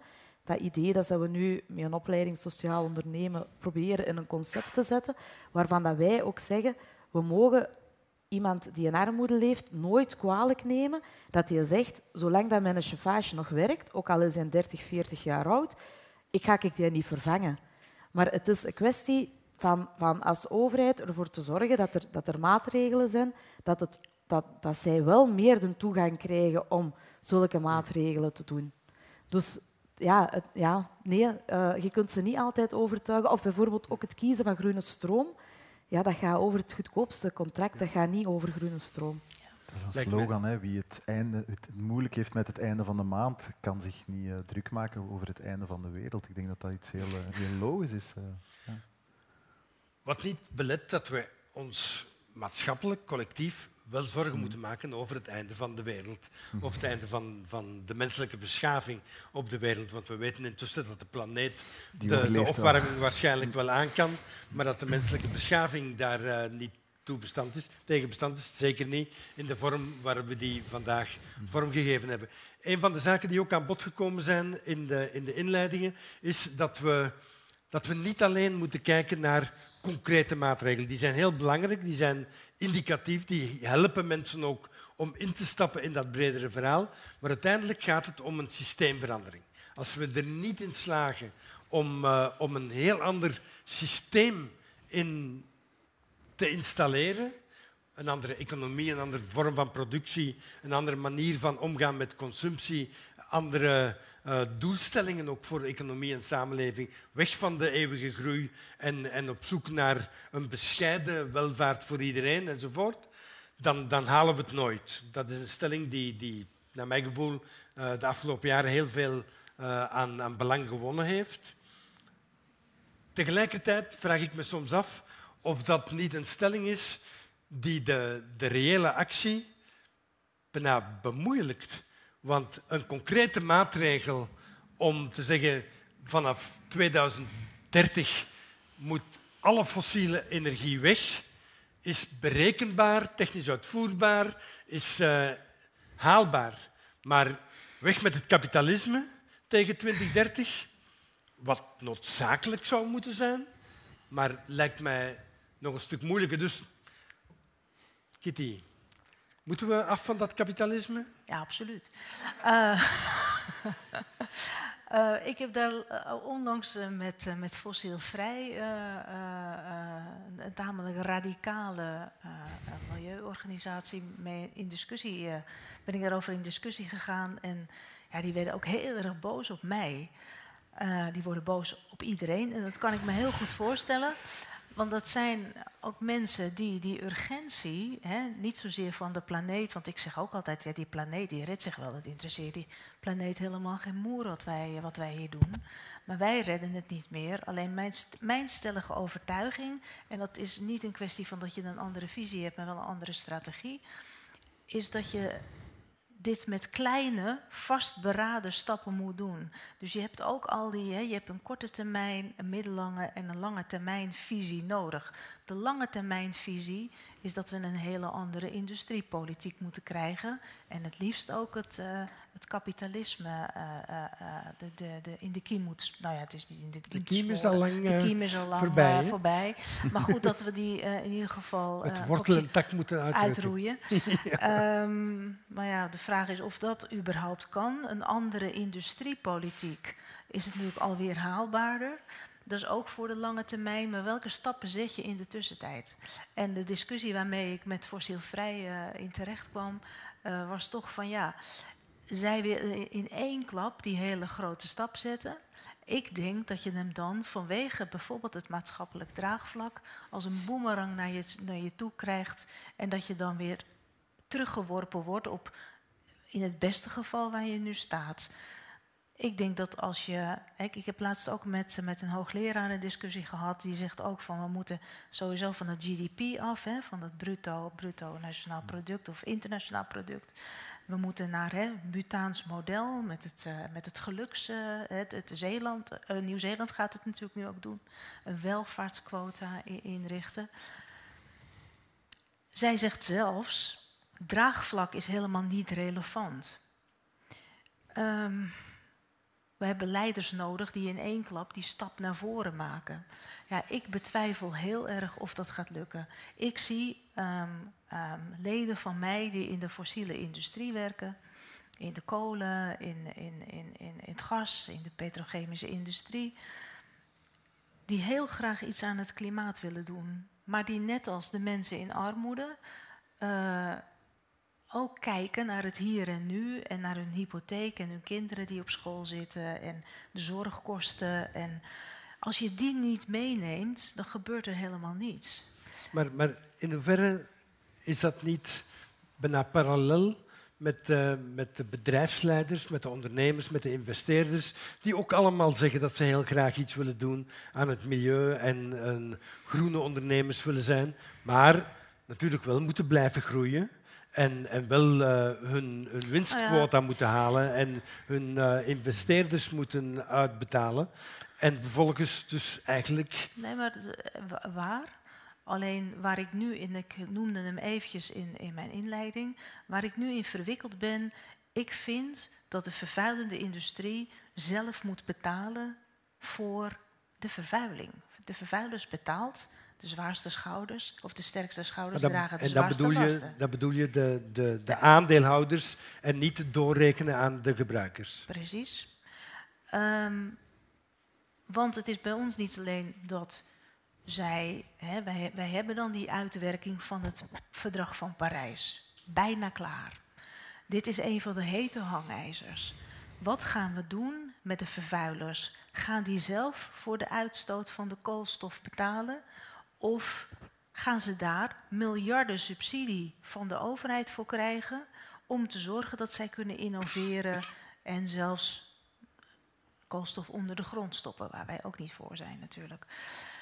Het is nog niet eens de vraag of ze er nog weer winst mee kunnen maken. Nee, op dit moment zitten wij nog in een debat. Wie gaat dat betalen? De zware industrie zegt, wij gaan dat niet betalen overheid, we hebben dat nodig, want dat zijn onze onrendabele kosten.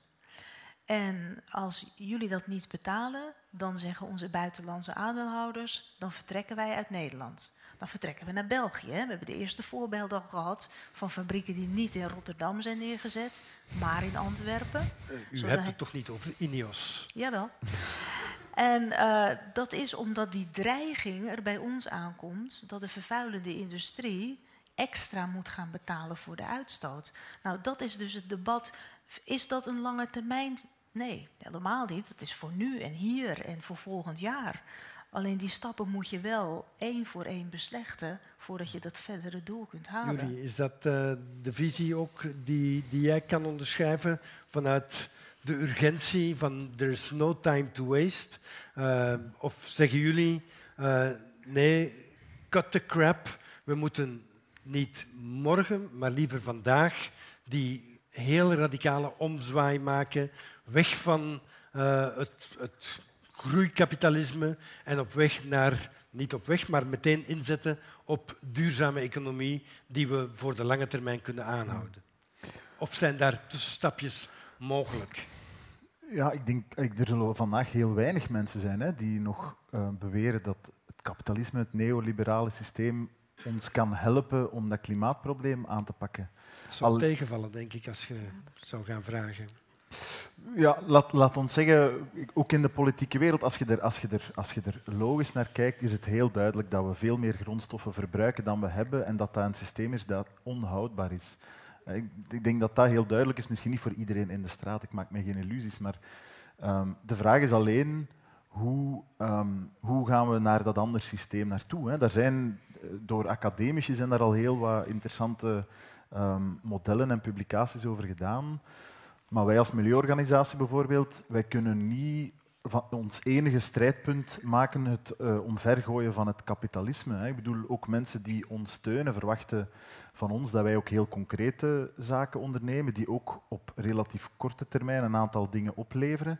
Maar wij, wij merken ook wel dat we, wanneer dat we die hele snelle transitie moeten maken, dat we ook naar dat economische systeem moeten kijken. En ik denk dat we daar, zoals Kitty zegt, voor een stuk wel al hier en daar stapjes naartoe zetten. Hè. Wanneer wij in onze landbouwcampagne bijvoorbeeld pleiten voor een, ander landbouwmodel, eigenlijk is dat al voor een stuk pleiten voor een landbouwmodel dat zich buiten voor een stuk buiten een kapitalistische logica zet. Dus dat we meer terug kort- en ketenlandbouw bijvoorbeeld, ja, als we kijken naar wat het neoliberale landbouwbeleid van Europa voorschrijft, dan is dat voor een stuk al, denk ik, de milieubeweging die daar um, uh, ook al een hele tijd pleit voor kleinere stappen. Oké. Gewoon omdat dat, die grote systemische verandering, zoals je zelf ook, denk ik, in het essay vandaag Mo ook aangeeft, hè, als het antwoord helder zou zijn, hoe kunnen we dit doen, dan hadden we dit al lang gedaan ook. Dus ik, ik ben het wel eens met Kitty dat we, dat we die in de concrete sectoren die stappen zullen moeten zetten, maar dat we ook wel, wij als milieubeweging, vakbonden, maar ook media, um, die dingen moeten blijven blootleggen. Die die uit, uit, uitwassen, uh, uitspattingen van dat neoliberale uh, systeem en ook hoe dat die onze politiek beïnvloeden. Ik weet niet uh, of, of, iemand het artikel in Apache, er zijn twee artikels in Apache verschenen vorige, vorige week, die heel mooi blootleggen hoe dat, uh, de fossiele industrie uit Amerika, de Koch Brothers en Exxon, een, netwerk financieren al jarenlang, dat nu uh, de laatste jaren heel actief is geworden in Europa ook. En dat bijvoorbeeld een partij als N-VA in Vlaanderen heel sterk beïnvloedt. Die met codewoorden uh, werken, um, waarin zij heel duidelijk het klimaat als een nieuwe, het nieuwe communisme beschouwen. Dus eigenlijk sinds uh, eind jaren uh, 90, begin jaren 2000 is dat in Amerika al begonnen. Die, die neoliberale haviken hadden vroeger het communisme en de Sovjet-Unie als grote vijand voor hun neoliberale uh, denken. En nu is dat het klimaat geworden. Dus we moeten dat blijven blootleggen en wij als milieubeweging moeten dat ook doen. Maar om het van de ene dag op de andere omver te werpen, dat is natuurlijk ja. nog, nog een andere opdracht. Kitty, kort? Nou ja, eh, heel, heel kort dan. wat ik vertelde over de grote vervuilers. Wij hebben Tata Steel uh, in, in, in Nederland, hè, een grote staalindustrie. Um, dat, dat is de industrie die zegt, wij kunnen onze onrendabele kosten kunnen wij niet betalen. Nou, dan kun je je hè, vanuit milieu, maar ook wel vanuit ons zeggen van nee, jij gaat daar gewoon wel zelf voor betalen. Jij vervuilt, dus jij gaat betalen.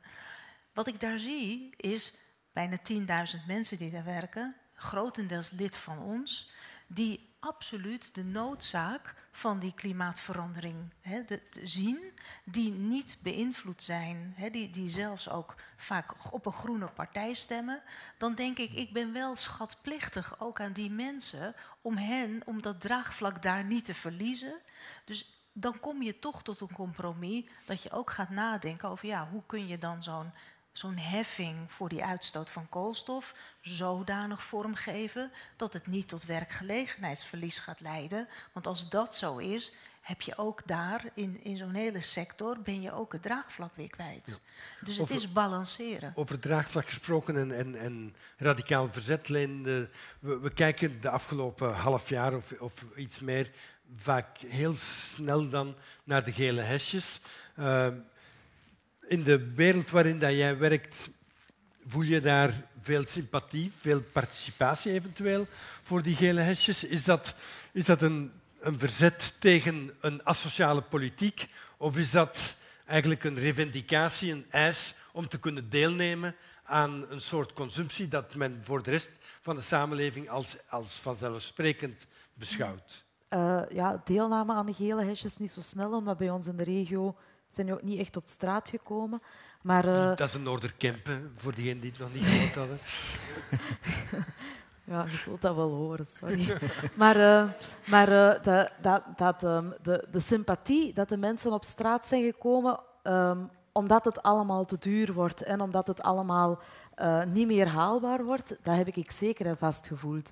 En, dan, um, uh, en is, dat dan, ja, is dat dan radicaal of is dat dan eerder van, mannen, het kan zo niet verder als je, als je um, uh, moeilijk al je facturen kunt gaan betalen. En de woonkost is daar een hele grote van en de energiekost is daar de tweede grootste van. Ook omdat die de laatste jaren en, en zeker de maanden heel sterk gestegen is, zeker de elektriciteitsfactuur. Mensen gaan daar wel degelijk kopken onder. Dus in de praktijk gaan die kopken onder. En kopken ondergaan wil met energiefacturen zeggen uw tussentijdse facturen niet meer kunnen betalen, maar bijvoorbeeld ook uh, jaarafrekeningen krijgen van 1000 euro, van 1500 euro, soms ook nog meer. Allee, heb ik er deze jaar verschillende over, over mijn bureau gehad. En dan is het zoeken naar, naar oplossingen. En dat voelt wel heel onrechtvaardig aan als je al in armoede zit en je hebt al het gevoel dat je altijd die eindjes aan elkaar moet knopen. En, en altijd, allee, als je je, je huishoudboekhouding moet doen en je komt niet toe, dat is, dat is iets dat je... dat draagde vanaf dat je opstaat tot je gaat slapen, draagde dat mee. En als, je, als dan die prijzen stijgen en als je dan komt met afbetaalplannen, met een drop naar, naar een netbeheerder, met, uh, en, en de rest doe maar door, hè, want zo voelt dat dikwijls aan, dan, dan komen die, die, die, die gevoelens, die verontwaardigingen wel uh, naar boven. Ja. Kitty, nog een laatste vraag. Dan gaan we zo dadelijk ook naar, uh, naar het publiek om te horen wat daar nog wat vragen of opmerkingen zijn. Jij verwees op een bepaald moment naar een klimaatfonds en je zei we noemen dat nu nog het kolenfonds. Uh, ik, ik, ga er dus van uit dat dat nog zijn wortels heeft in de sluiting van de steenkoolmijnen in, uh, in Limburg in de jaren 80, nee. Juist niet. Het is een reactie daarop. We hebben toen gezien dat het heel slecht is afgehandeld. Mensen die daar destijds in de jaren 60 hun werk zijn kwijtgeraakt, leven nog steeds. De volgende generatie is alweer in armoede. Dus een aantal jaar geleden, drie jaar geleden om precies te zijn, hebben arbeiders in de havens, die de kolen op- en overslag deden, en de arbeiders in de centrales, in de kolencentrales, hebben wij er nog vijf van, die hebben de handen ineengeslagen en gezegd vanuit de FNV, ehm, doe ons maar weg. Uh, het kan ook niet meer. Uh, wij gaan ons niet verzetten tegen het, uh, het, stoppen met kolen. Maar zorg dan wel goed voor ons. Maak een sociaal fonds. En dat is wat mij betreft de vleesgeworden Just Transition. Um, zij zijn daar drie jaar actie voor aan het voeren geweest. Wij, hebben, wij zitten als vakbond uh, in Nederland in de Sociaal-Economische Raad, belangrijkste adviesorgaan van het kabinet. toen ik daar aantrad, heb ik dat ko kolenfonds, dus zij streden voor het kolenfonds. Ze hebben er ook heel mooie filmpjes van gemaakt. En ook gezegd van nou, stop maar met ons, maar zorg goed voor ons. Zorg dat wij of scholing krijgen of een andere baan. En als wij al heel oud zijn, hè, in, in arbeidstermen, zorg dan voor een fatsoenlijke regeling. Nou, dat is het kolenfonds. Uh, juist omdat we niet de situatie met die mijnen willen. En, en, en dat, dat kolenfonds is volgestort door de overheid of is dat dan nou, een privaat initiatief? Ik hoop volgende week daar uh, meer informatie over te krijgen hoeveel de overheid bereid is om daaraan mee te betalen. Dus nu is het een concept, een idee, uh, maar er zit nog geen, niet echt geld in nee. het spaarpotje. Nee, maar hij wordt wel. Ik heb vandaag nog een gesprek gehad over de concrete vormgeving. Ja. Jury, jullie zijn eerder degene die aan de bruinkoolmijnen gaan staan en zeggen shut them down now. Mm -hmm. Klopt. Hebben jullie ook al gedacht aan zo'n kolenfonds? Want ik, ja. ik, verwees even naar de, naar de sluiting van de steenkoolmijnen. Uh, ik zal even zeggen, ik ben zelf een, een, een mijnwerkerszoon, dus ik heb, ik heb die sluiting van de mijnen in Limburg van heel nabij, in de eigen familie, heel, van heel nabij meegemaakt. En, en ik, ik weet hoe verwoestend dat gewerkt heeft op de waardigheid van werk, op de gemeenschappen en, en op de omgeving. Maar tegelijkertijd is er ook wel heel veel geld vrijgemaakt vanuit de, tenminste vanuit de Belgische overheid om aan reconversie te werken. Vaak slecht beheerd, slecht ingezet, maar er zijn wel hele grote bedragen vrijgemaakt. Dus het kan, als de overheid wil, uh, kan ze daar bedragen voor vrijmaken. Maar dus mijn vraag voor jullie is, zijn jullie daar ook mee bezig? Hebben jullie ook in, in, het, in de strijd tegen de steenkoolmijnen, bijvoorbeeld in, in, in Duitsland op dit moment, want in België zijn er niet echt meer steenkoolmijnen actief, maar zijn jullie dan daar ook mee bezig om dat soort fondsen, reconversiefondsen, om daarvoor te pleiten en daarvoor ook middelen te zoeken? Ja, meer en meer. Hè. Ik denk, um, in Nederland hebben onze collega's heel actief samen met Milieudefensie en, en uh, de vakbonden um, die, die strijd op tafel gelegd. In Duitsland bijvoorbeeld zijn onze collega's ook in contact met, uh, met de vakbonden, omdat je daar natuurlijk met een hele grote automobielindustrie zit, ook met, met nog heel wat bruinkool- en steenkoolcentrales. Um, en ook daar heb je diezelfde, die, diezelfde debatten die moeten plaatsvinden. Maar ik, ik denk, we doen dat echt nog te weinig. En voor een stuk is dat ook normaal. Ik denk dat de milieubeweging en ook de vakbonden op hun core business moeten blijven, daar waar, dat we, waar dat we goed zijn. Maar wat dat we wel moeten doen um, in, heel snel in, de, in de, komende, de komende maanden en jaren, is opnieuw en nog intensiever gaan, gaan, gaan samenwerken en kijken waar kunnen wij elkaar versterken.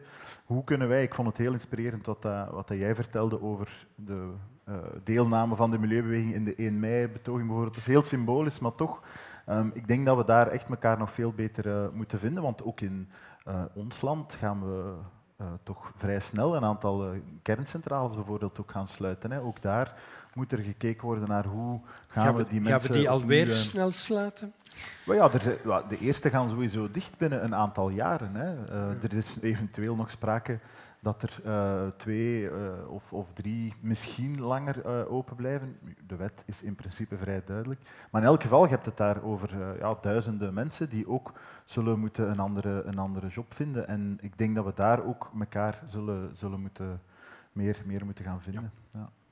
Goed, we hebben nog even de tijd om van u wat vragen of opmerkingen te krijgen. Ehm, Jan, is de man met de microfoon. Dus wie, uh, wie een vraag of een opmerking heeft, voilà. Die zit het dichtst bij Jan. Dus. Ja.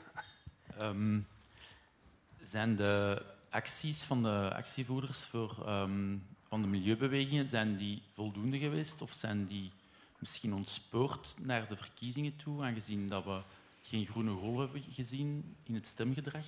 Um, ik denk aan die acties zoals um, op de VRT van de zevende dag. Ik heb daar juist het verhaal van een olifant doorgevallen.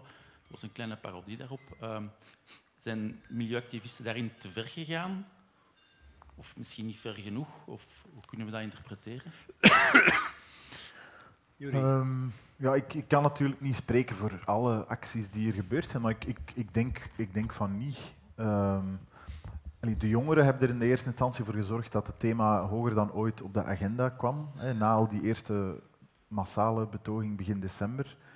Um, en nadien heb je gezien dat ook meer radicale actievoerders op hun manier um, nog een stapje verder dan, dan, Greenpeace bijvoorbeeld ook zetten. En ik denk dat die dingen elkaar heel goed hebben aangevuld. Alleen wat dat er misschien echt nog mankeert, en daarom vind ik het zo waardevol wat, wat Mo hier vanavond ook doet, om, om um, wij als beweging hebben het verhaal dat we ook in de politiek nog te veel missen, ook te weinig gebracht. We zijn ons daar echt heel van bewust dat we, om dat draagvlak dat er echt nog wel altijd is, ook al heeft men het een beetje proberen wegduwen, dat is er nog altijd, maar om dat te behouden en liefst nog te versterken in de komende jaren, moeten wij als milieubeweging blijven actie voeren, maar moeten we ook onze verantwoordelijkheid nemen om uit onze comfortzone te komen. En ook aan mensen duidelijk te maken van, als we willen, dan kan die klimaattransitie die we hoe dan ook moeten maken, kan die ook het leven van ons allemaal en in de eerste plaats misschien nog wel van degenen die het, het, het, moeilijkst hebben. Ik denk het, het renovatieproject in in de Dampoort, dat ik ook goed ken, is daar een voorbeeld van. Maar dat verhaal moeten we ook veel meer, meer vertellen. Omdat ik denk, een van de zaken die we op 26 mei gezien hebben, is dat um, klimaat heel hoog op de agenda kwam.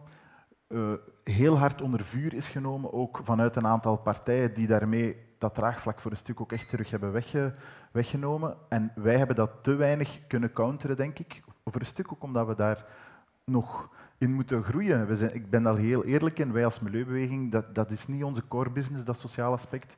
Maar als we die klimaattransitie echt willen, willen door, uh, doorzetten, dan, dan moeten wij daar ook dat verhaal in meepakken. En om helemaal op uw uh, vraag te antwoorden, de kiezer heeft voor een stuk heel divers gesproken, maar ehm, ik denk dat je ook niet alles op de klimaatbeweging kunt leggen. Hè. Misschien ehm, ja, zijn er ook een aantal uh, aspecten die in Vlaanderen anders zijn dan in andere regio's in Europa bijvoorbeeld. Misschien heeft de Groene Partij het in Vlaanderen minder goed gedaan als, als andere groene partijen om, om die uh, klimaatgolf voor een stuk mee te gaan kapitaliseren. Ik denk dat die analyse nog niet helemaal kan gemaakt worden.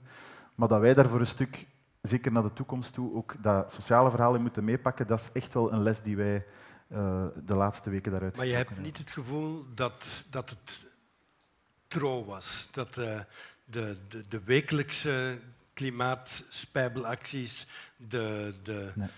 klimaatmars van december en dan van maart en dan van de, de klimaatstakingen. Dus we hebben een hele grote opeenvolging van acties gehad. Ja. Uh, je zou kunnen, ik, ik probeer uw vraag te parafraseren. Op een bepaald moment zou je kunnen zeggen hadden we het wat beter gespreid en wat minder gedaan, hadden we misschien meer effect gehad.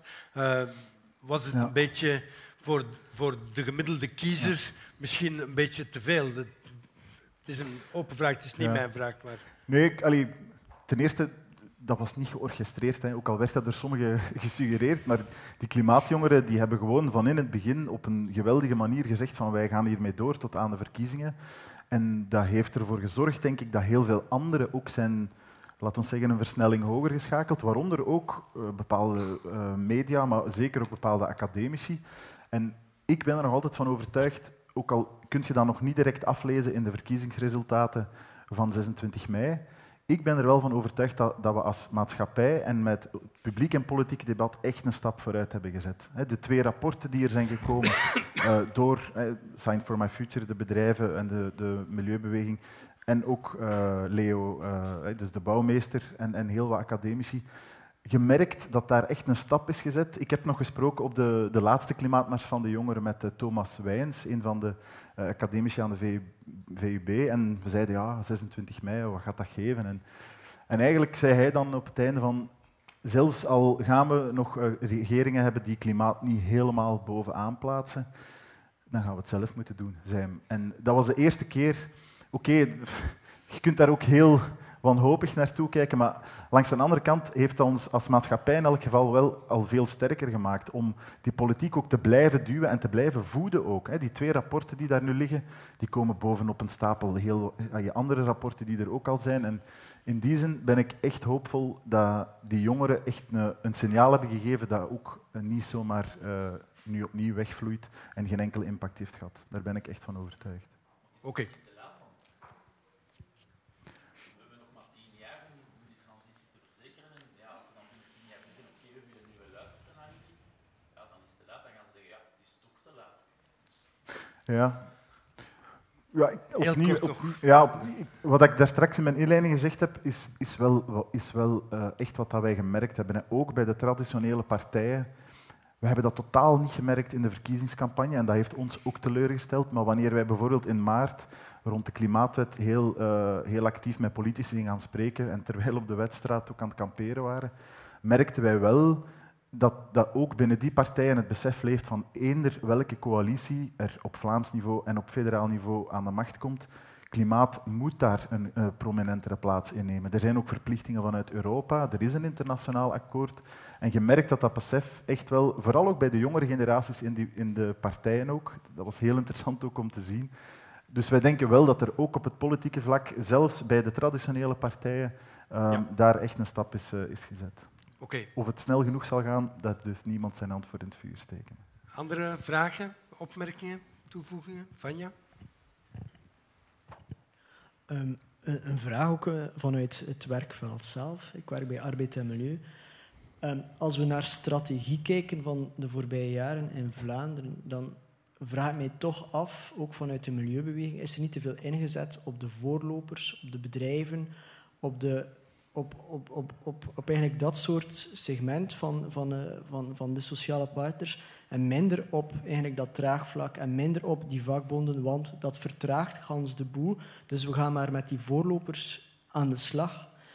Is dat niet ergens een, een verkeerde strategie gebleken?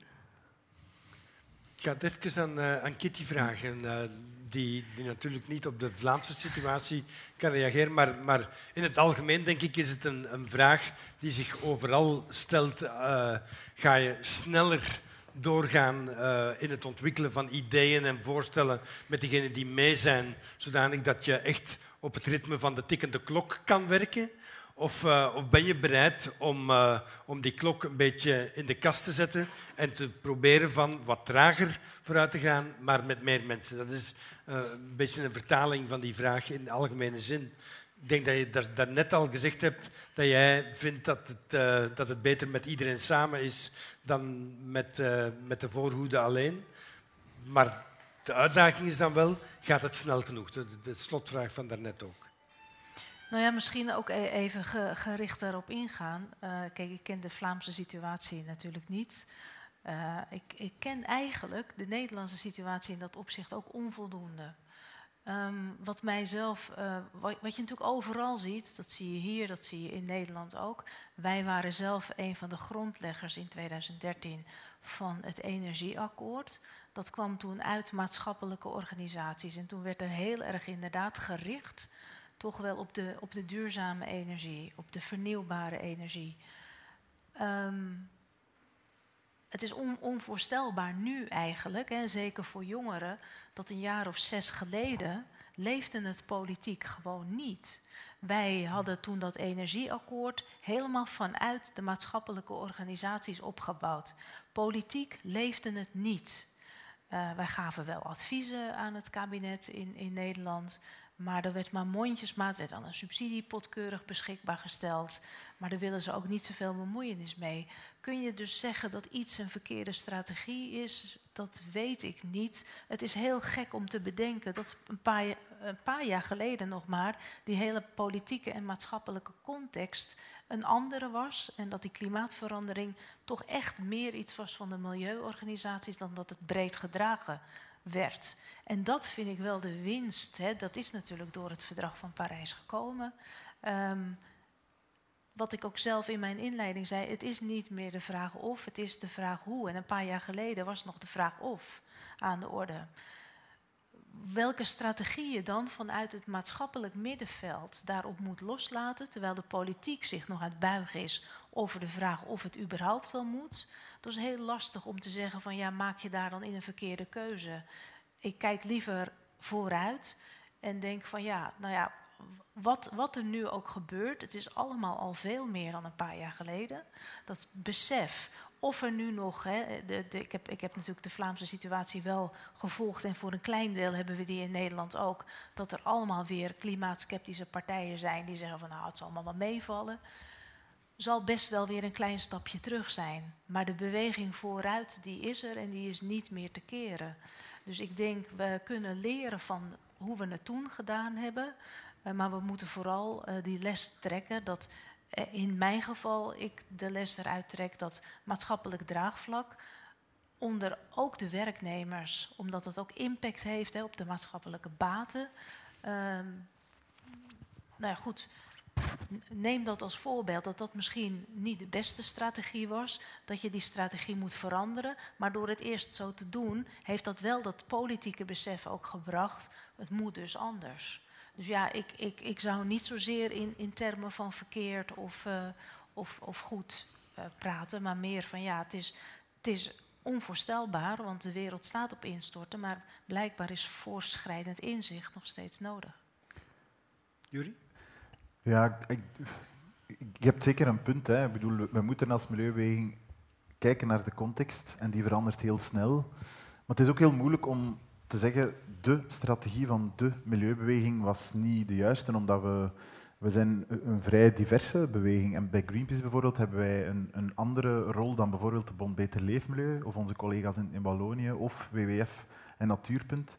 Um, en wij als Greenpeace bijvoorbeeld hebben, denk ik, nog altijd wel echt die rol om een soort van waakhond te zijn aan de ene kant, maar ook echt wel, uh, laten we zeggen, een beetje de zweep op te leggen. Hè. Te zeggen waar we voor staan, vrij, ja, vrij radicale dingen naar voren schuiven, uh, die nu eenmaal wel in lijn zijn met de uitdaging waar we voor staan. Maar onze collega's bij Bon Beter Leefmilieu en Inter Environnement Wallonie bijvoorbeeld, zij gaan veel meer uh, partnerschappen aan met het bedrijfsleven, met, met andere actoren in de samenleving. In de klimaatcoalitie doen we dat allemaal samen.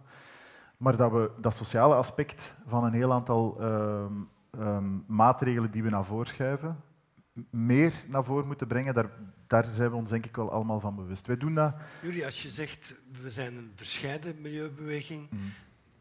dat klinkt ook een beetje als een understatement. Uh, moet je op een bepaald moment ook niet zeggen, de milieubeweging slaagt er niet in om één lijn te trekken in een, in een thema waarvan ze zelf voortdurend zegt dat het enorm urgent is, dat de tijd tikt en dat we nu vooruitgang moeten maken. Als je dan als grote organisaties uh, in verschillende richtingen trekt, dan moet je niet versteld staan dat de politieke wereld niet weet of daarvan gebruik maakt, tenminste, om te zeggen, uh, ja, uw collega zegt mij net het tegenovergestelde. Nee, dat zou ik echt wel durven tegenspreken. Ook omdat ik uh, een beetje weet hoe... De milieuverenigingen in België, we zijn een heel klein land, maar werken eigenlijk heel goed samen.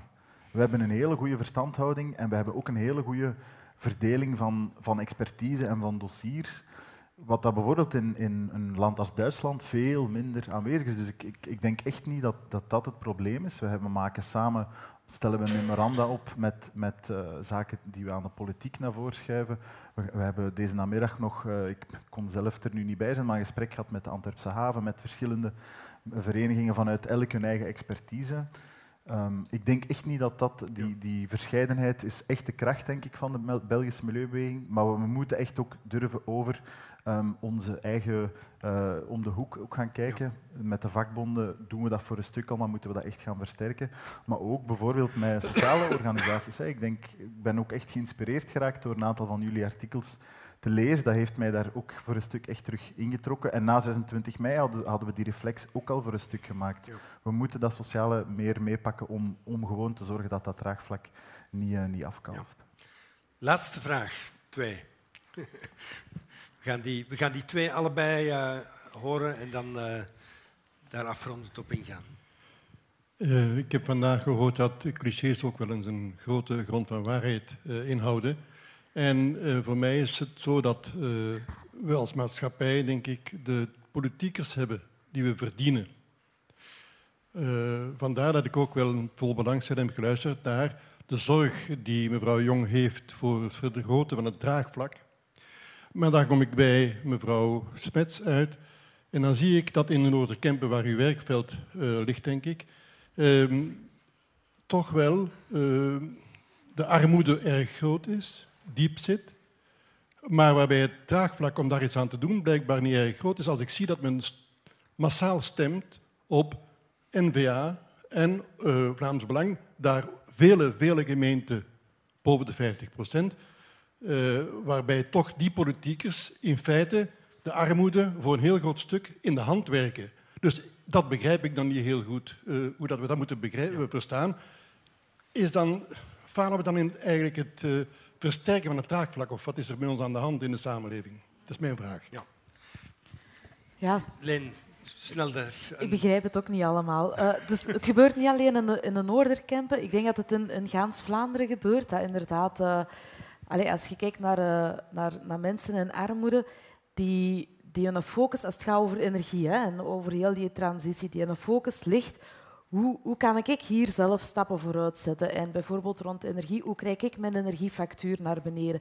Dus heel die, die, die achterkant en die extra visie daarbij van en hoe moeten we hier die energietransitie gaan aanpakken als er die ruimte, omwille van die armoedeproblematiek, als die ruimte in dat hoofd er niet is, dan is dat er niet en kunnen we ook niet verwachten.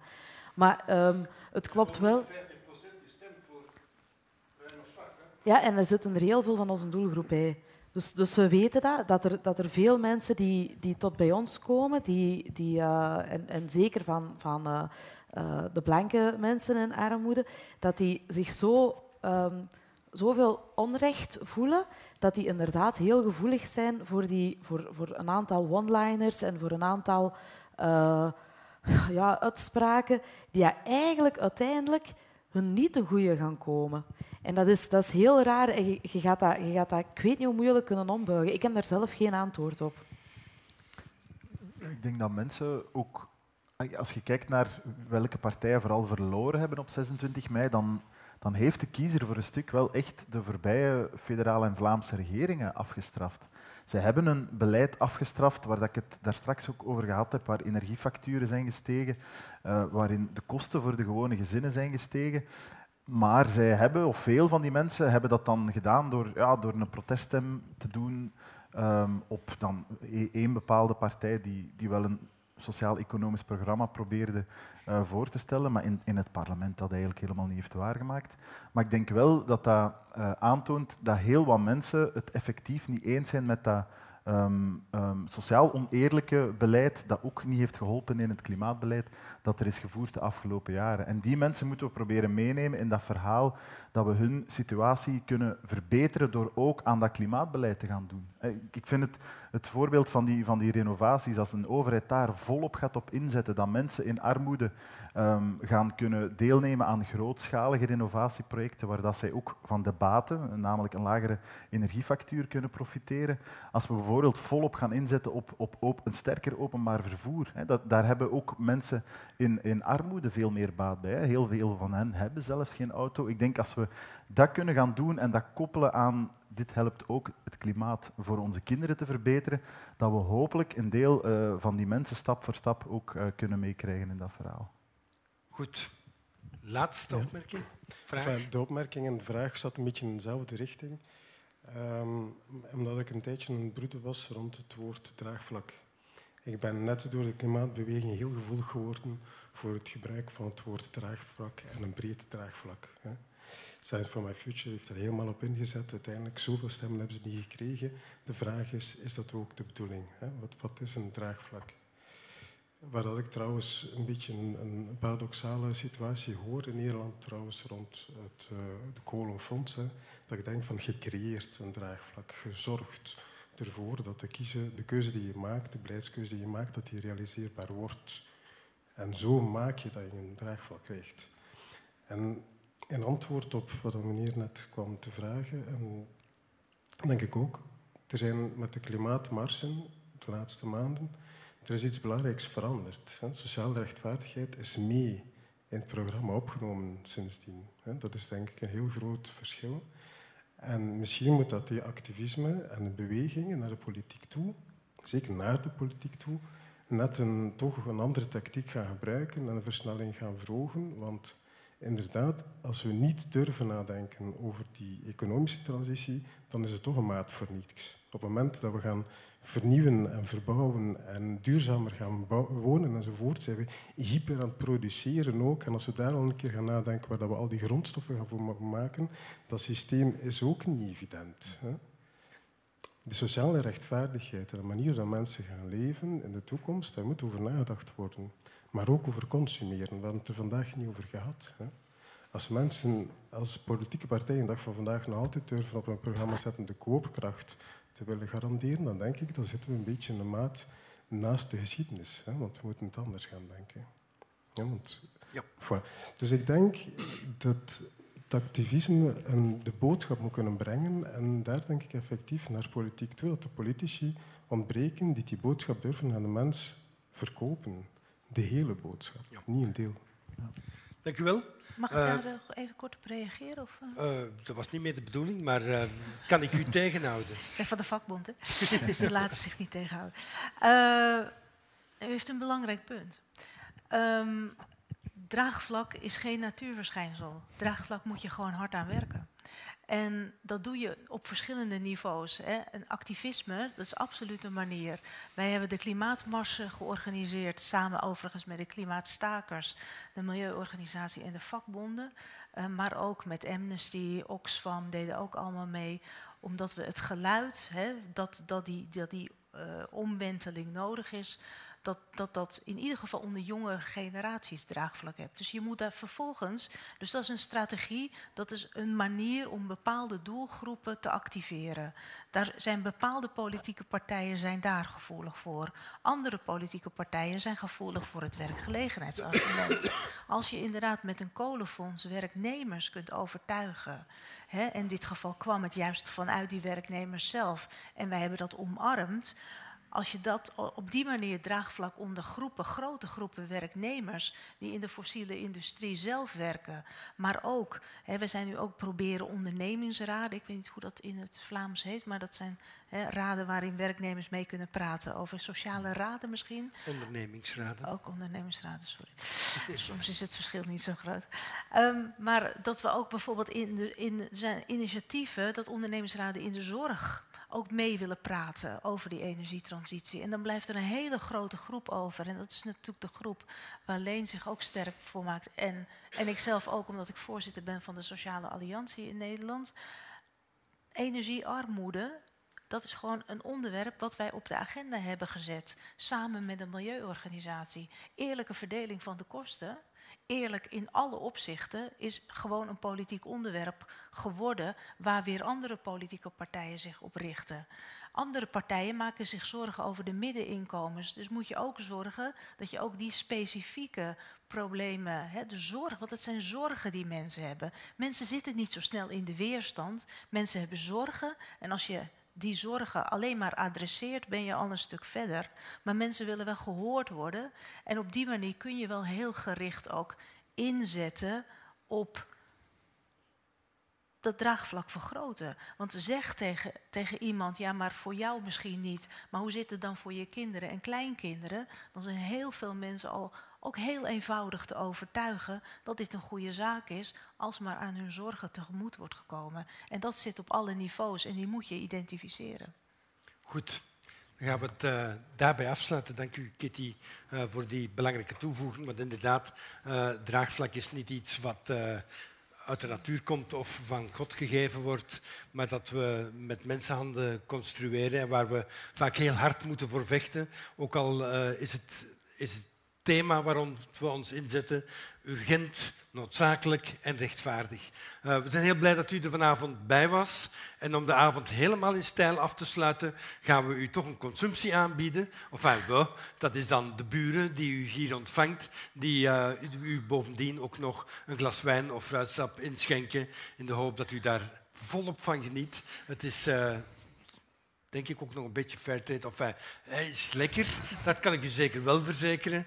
Uh, heel erg fijn dat u erbij was. Dank u wel de buren voor de ontvangst. En uh, neem zeker uw exemplaar van Mo mee. Er staat nog heel veel in om te lezen, om over na te denken. Overigens niet alleen in het katern over de rechtvaardige transitie, maar ook in de stukken van het magazine daarbuiten. En verder uiteraard elke dag op, uh, op de website. En om helemaal in stijl af te sluiten, vergeet vooral niet na te denken over de vraag wat u kan doen voor Mo. En dat zou bijvoorbeeld kunnen zijn dat u vanaf nu promo wordt. Dat zijn mensen die voor 4 euro per maand ervoor zorgen dat wij onze journalistiek, onze mondiale journalistiek, op kwalitatief hoog niveau kunnen houden en gratis toegankelijk voor iedereen die ons online bezoekt. Ook u kan daartoe bijdragen. Waarvoor onze hartelijke dank.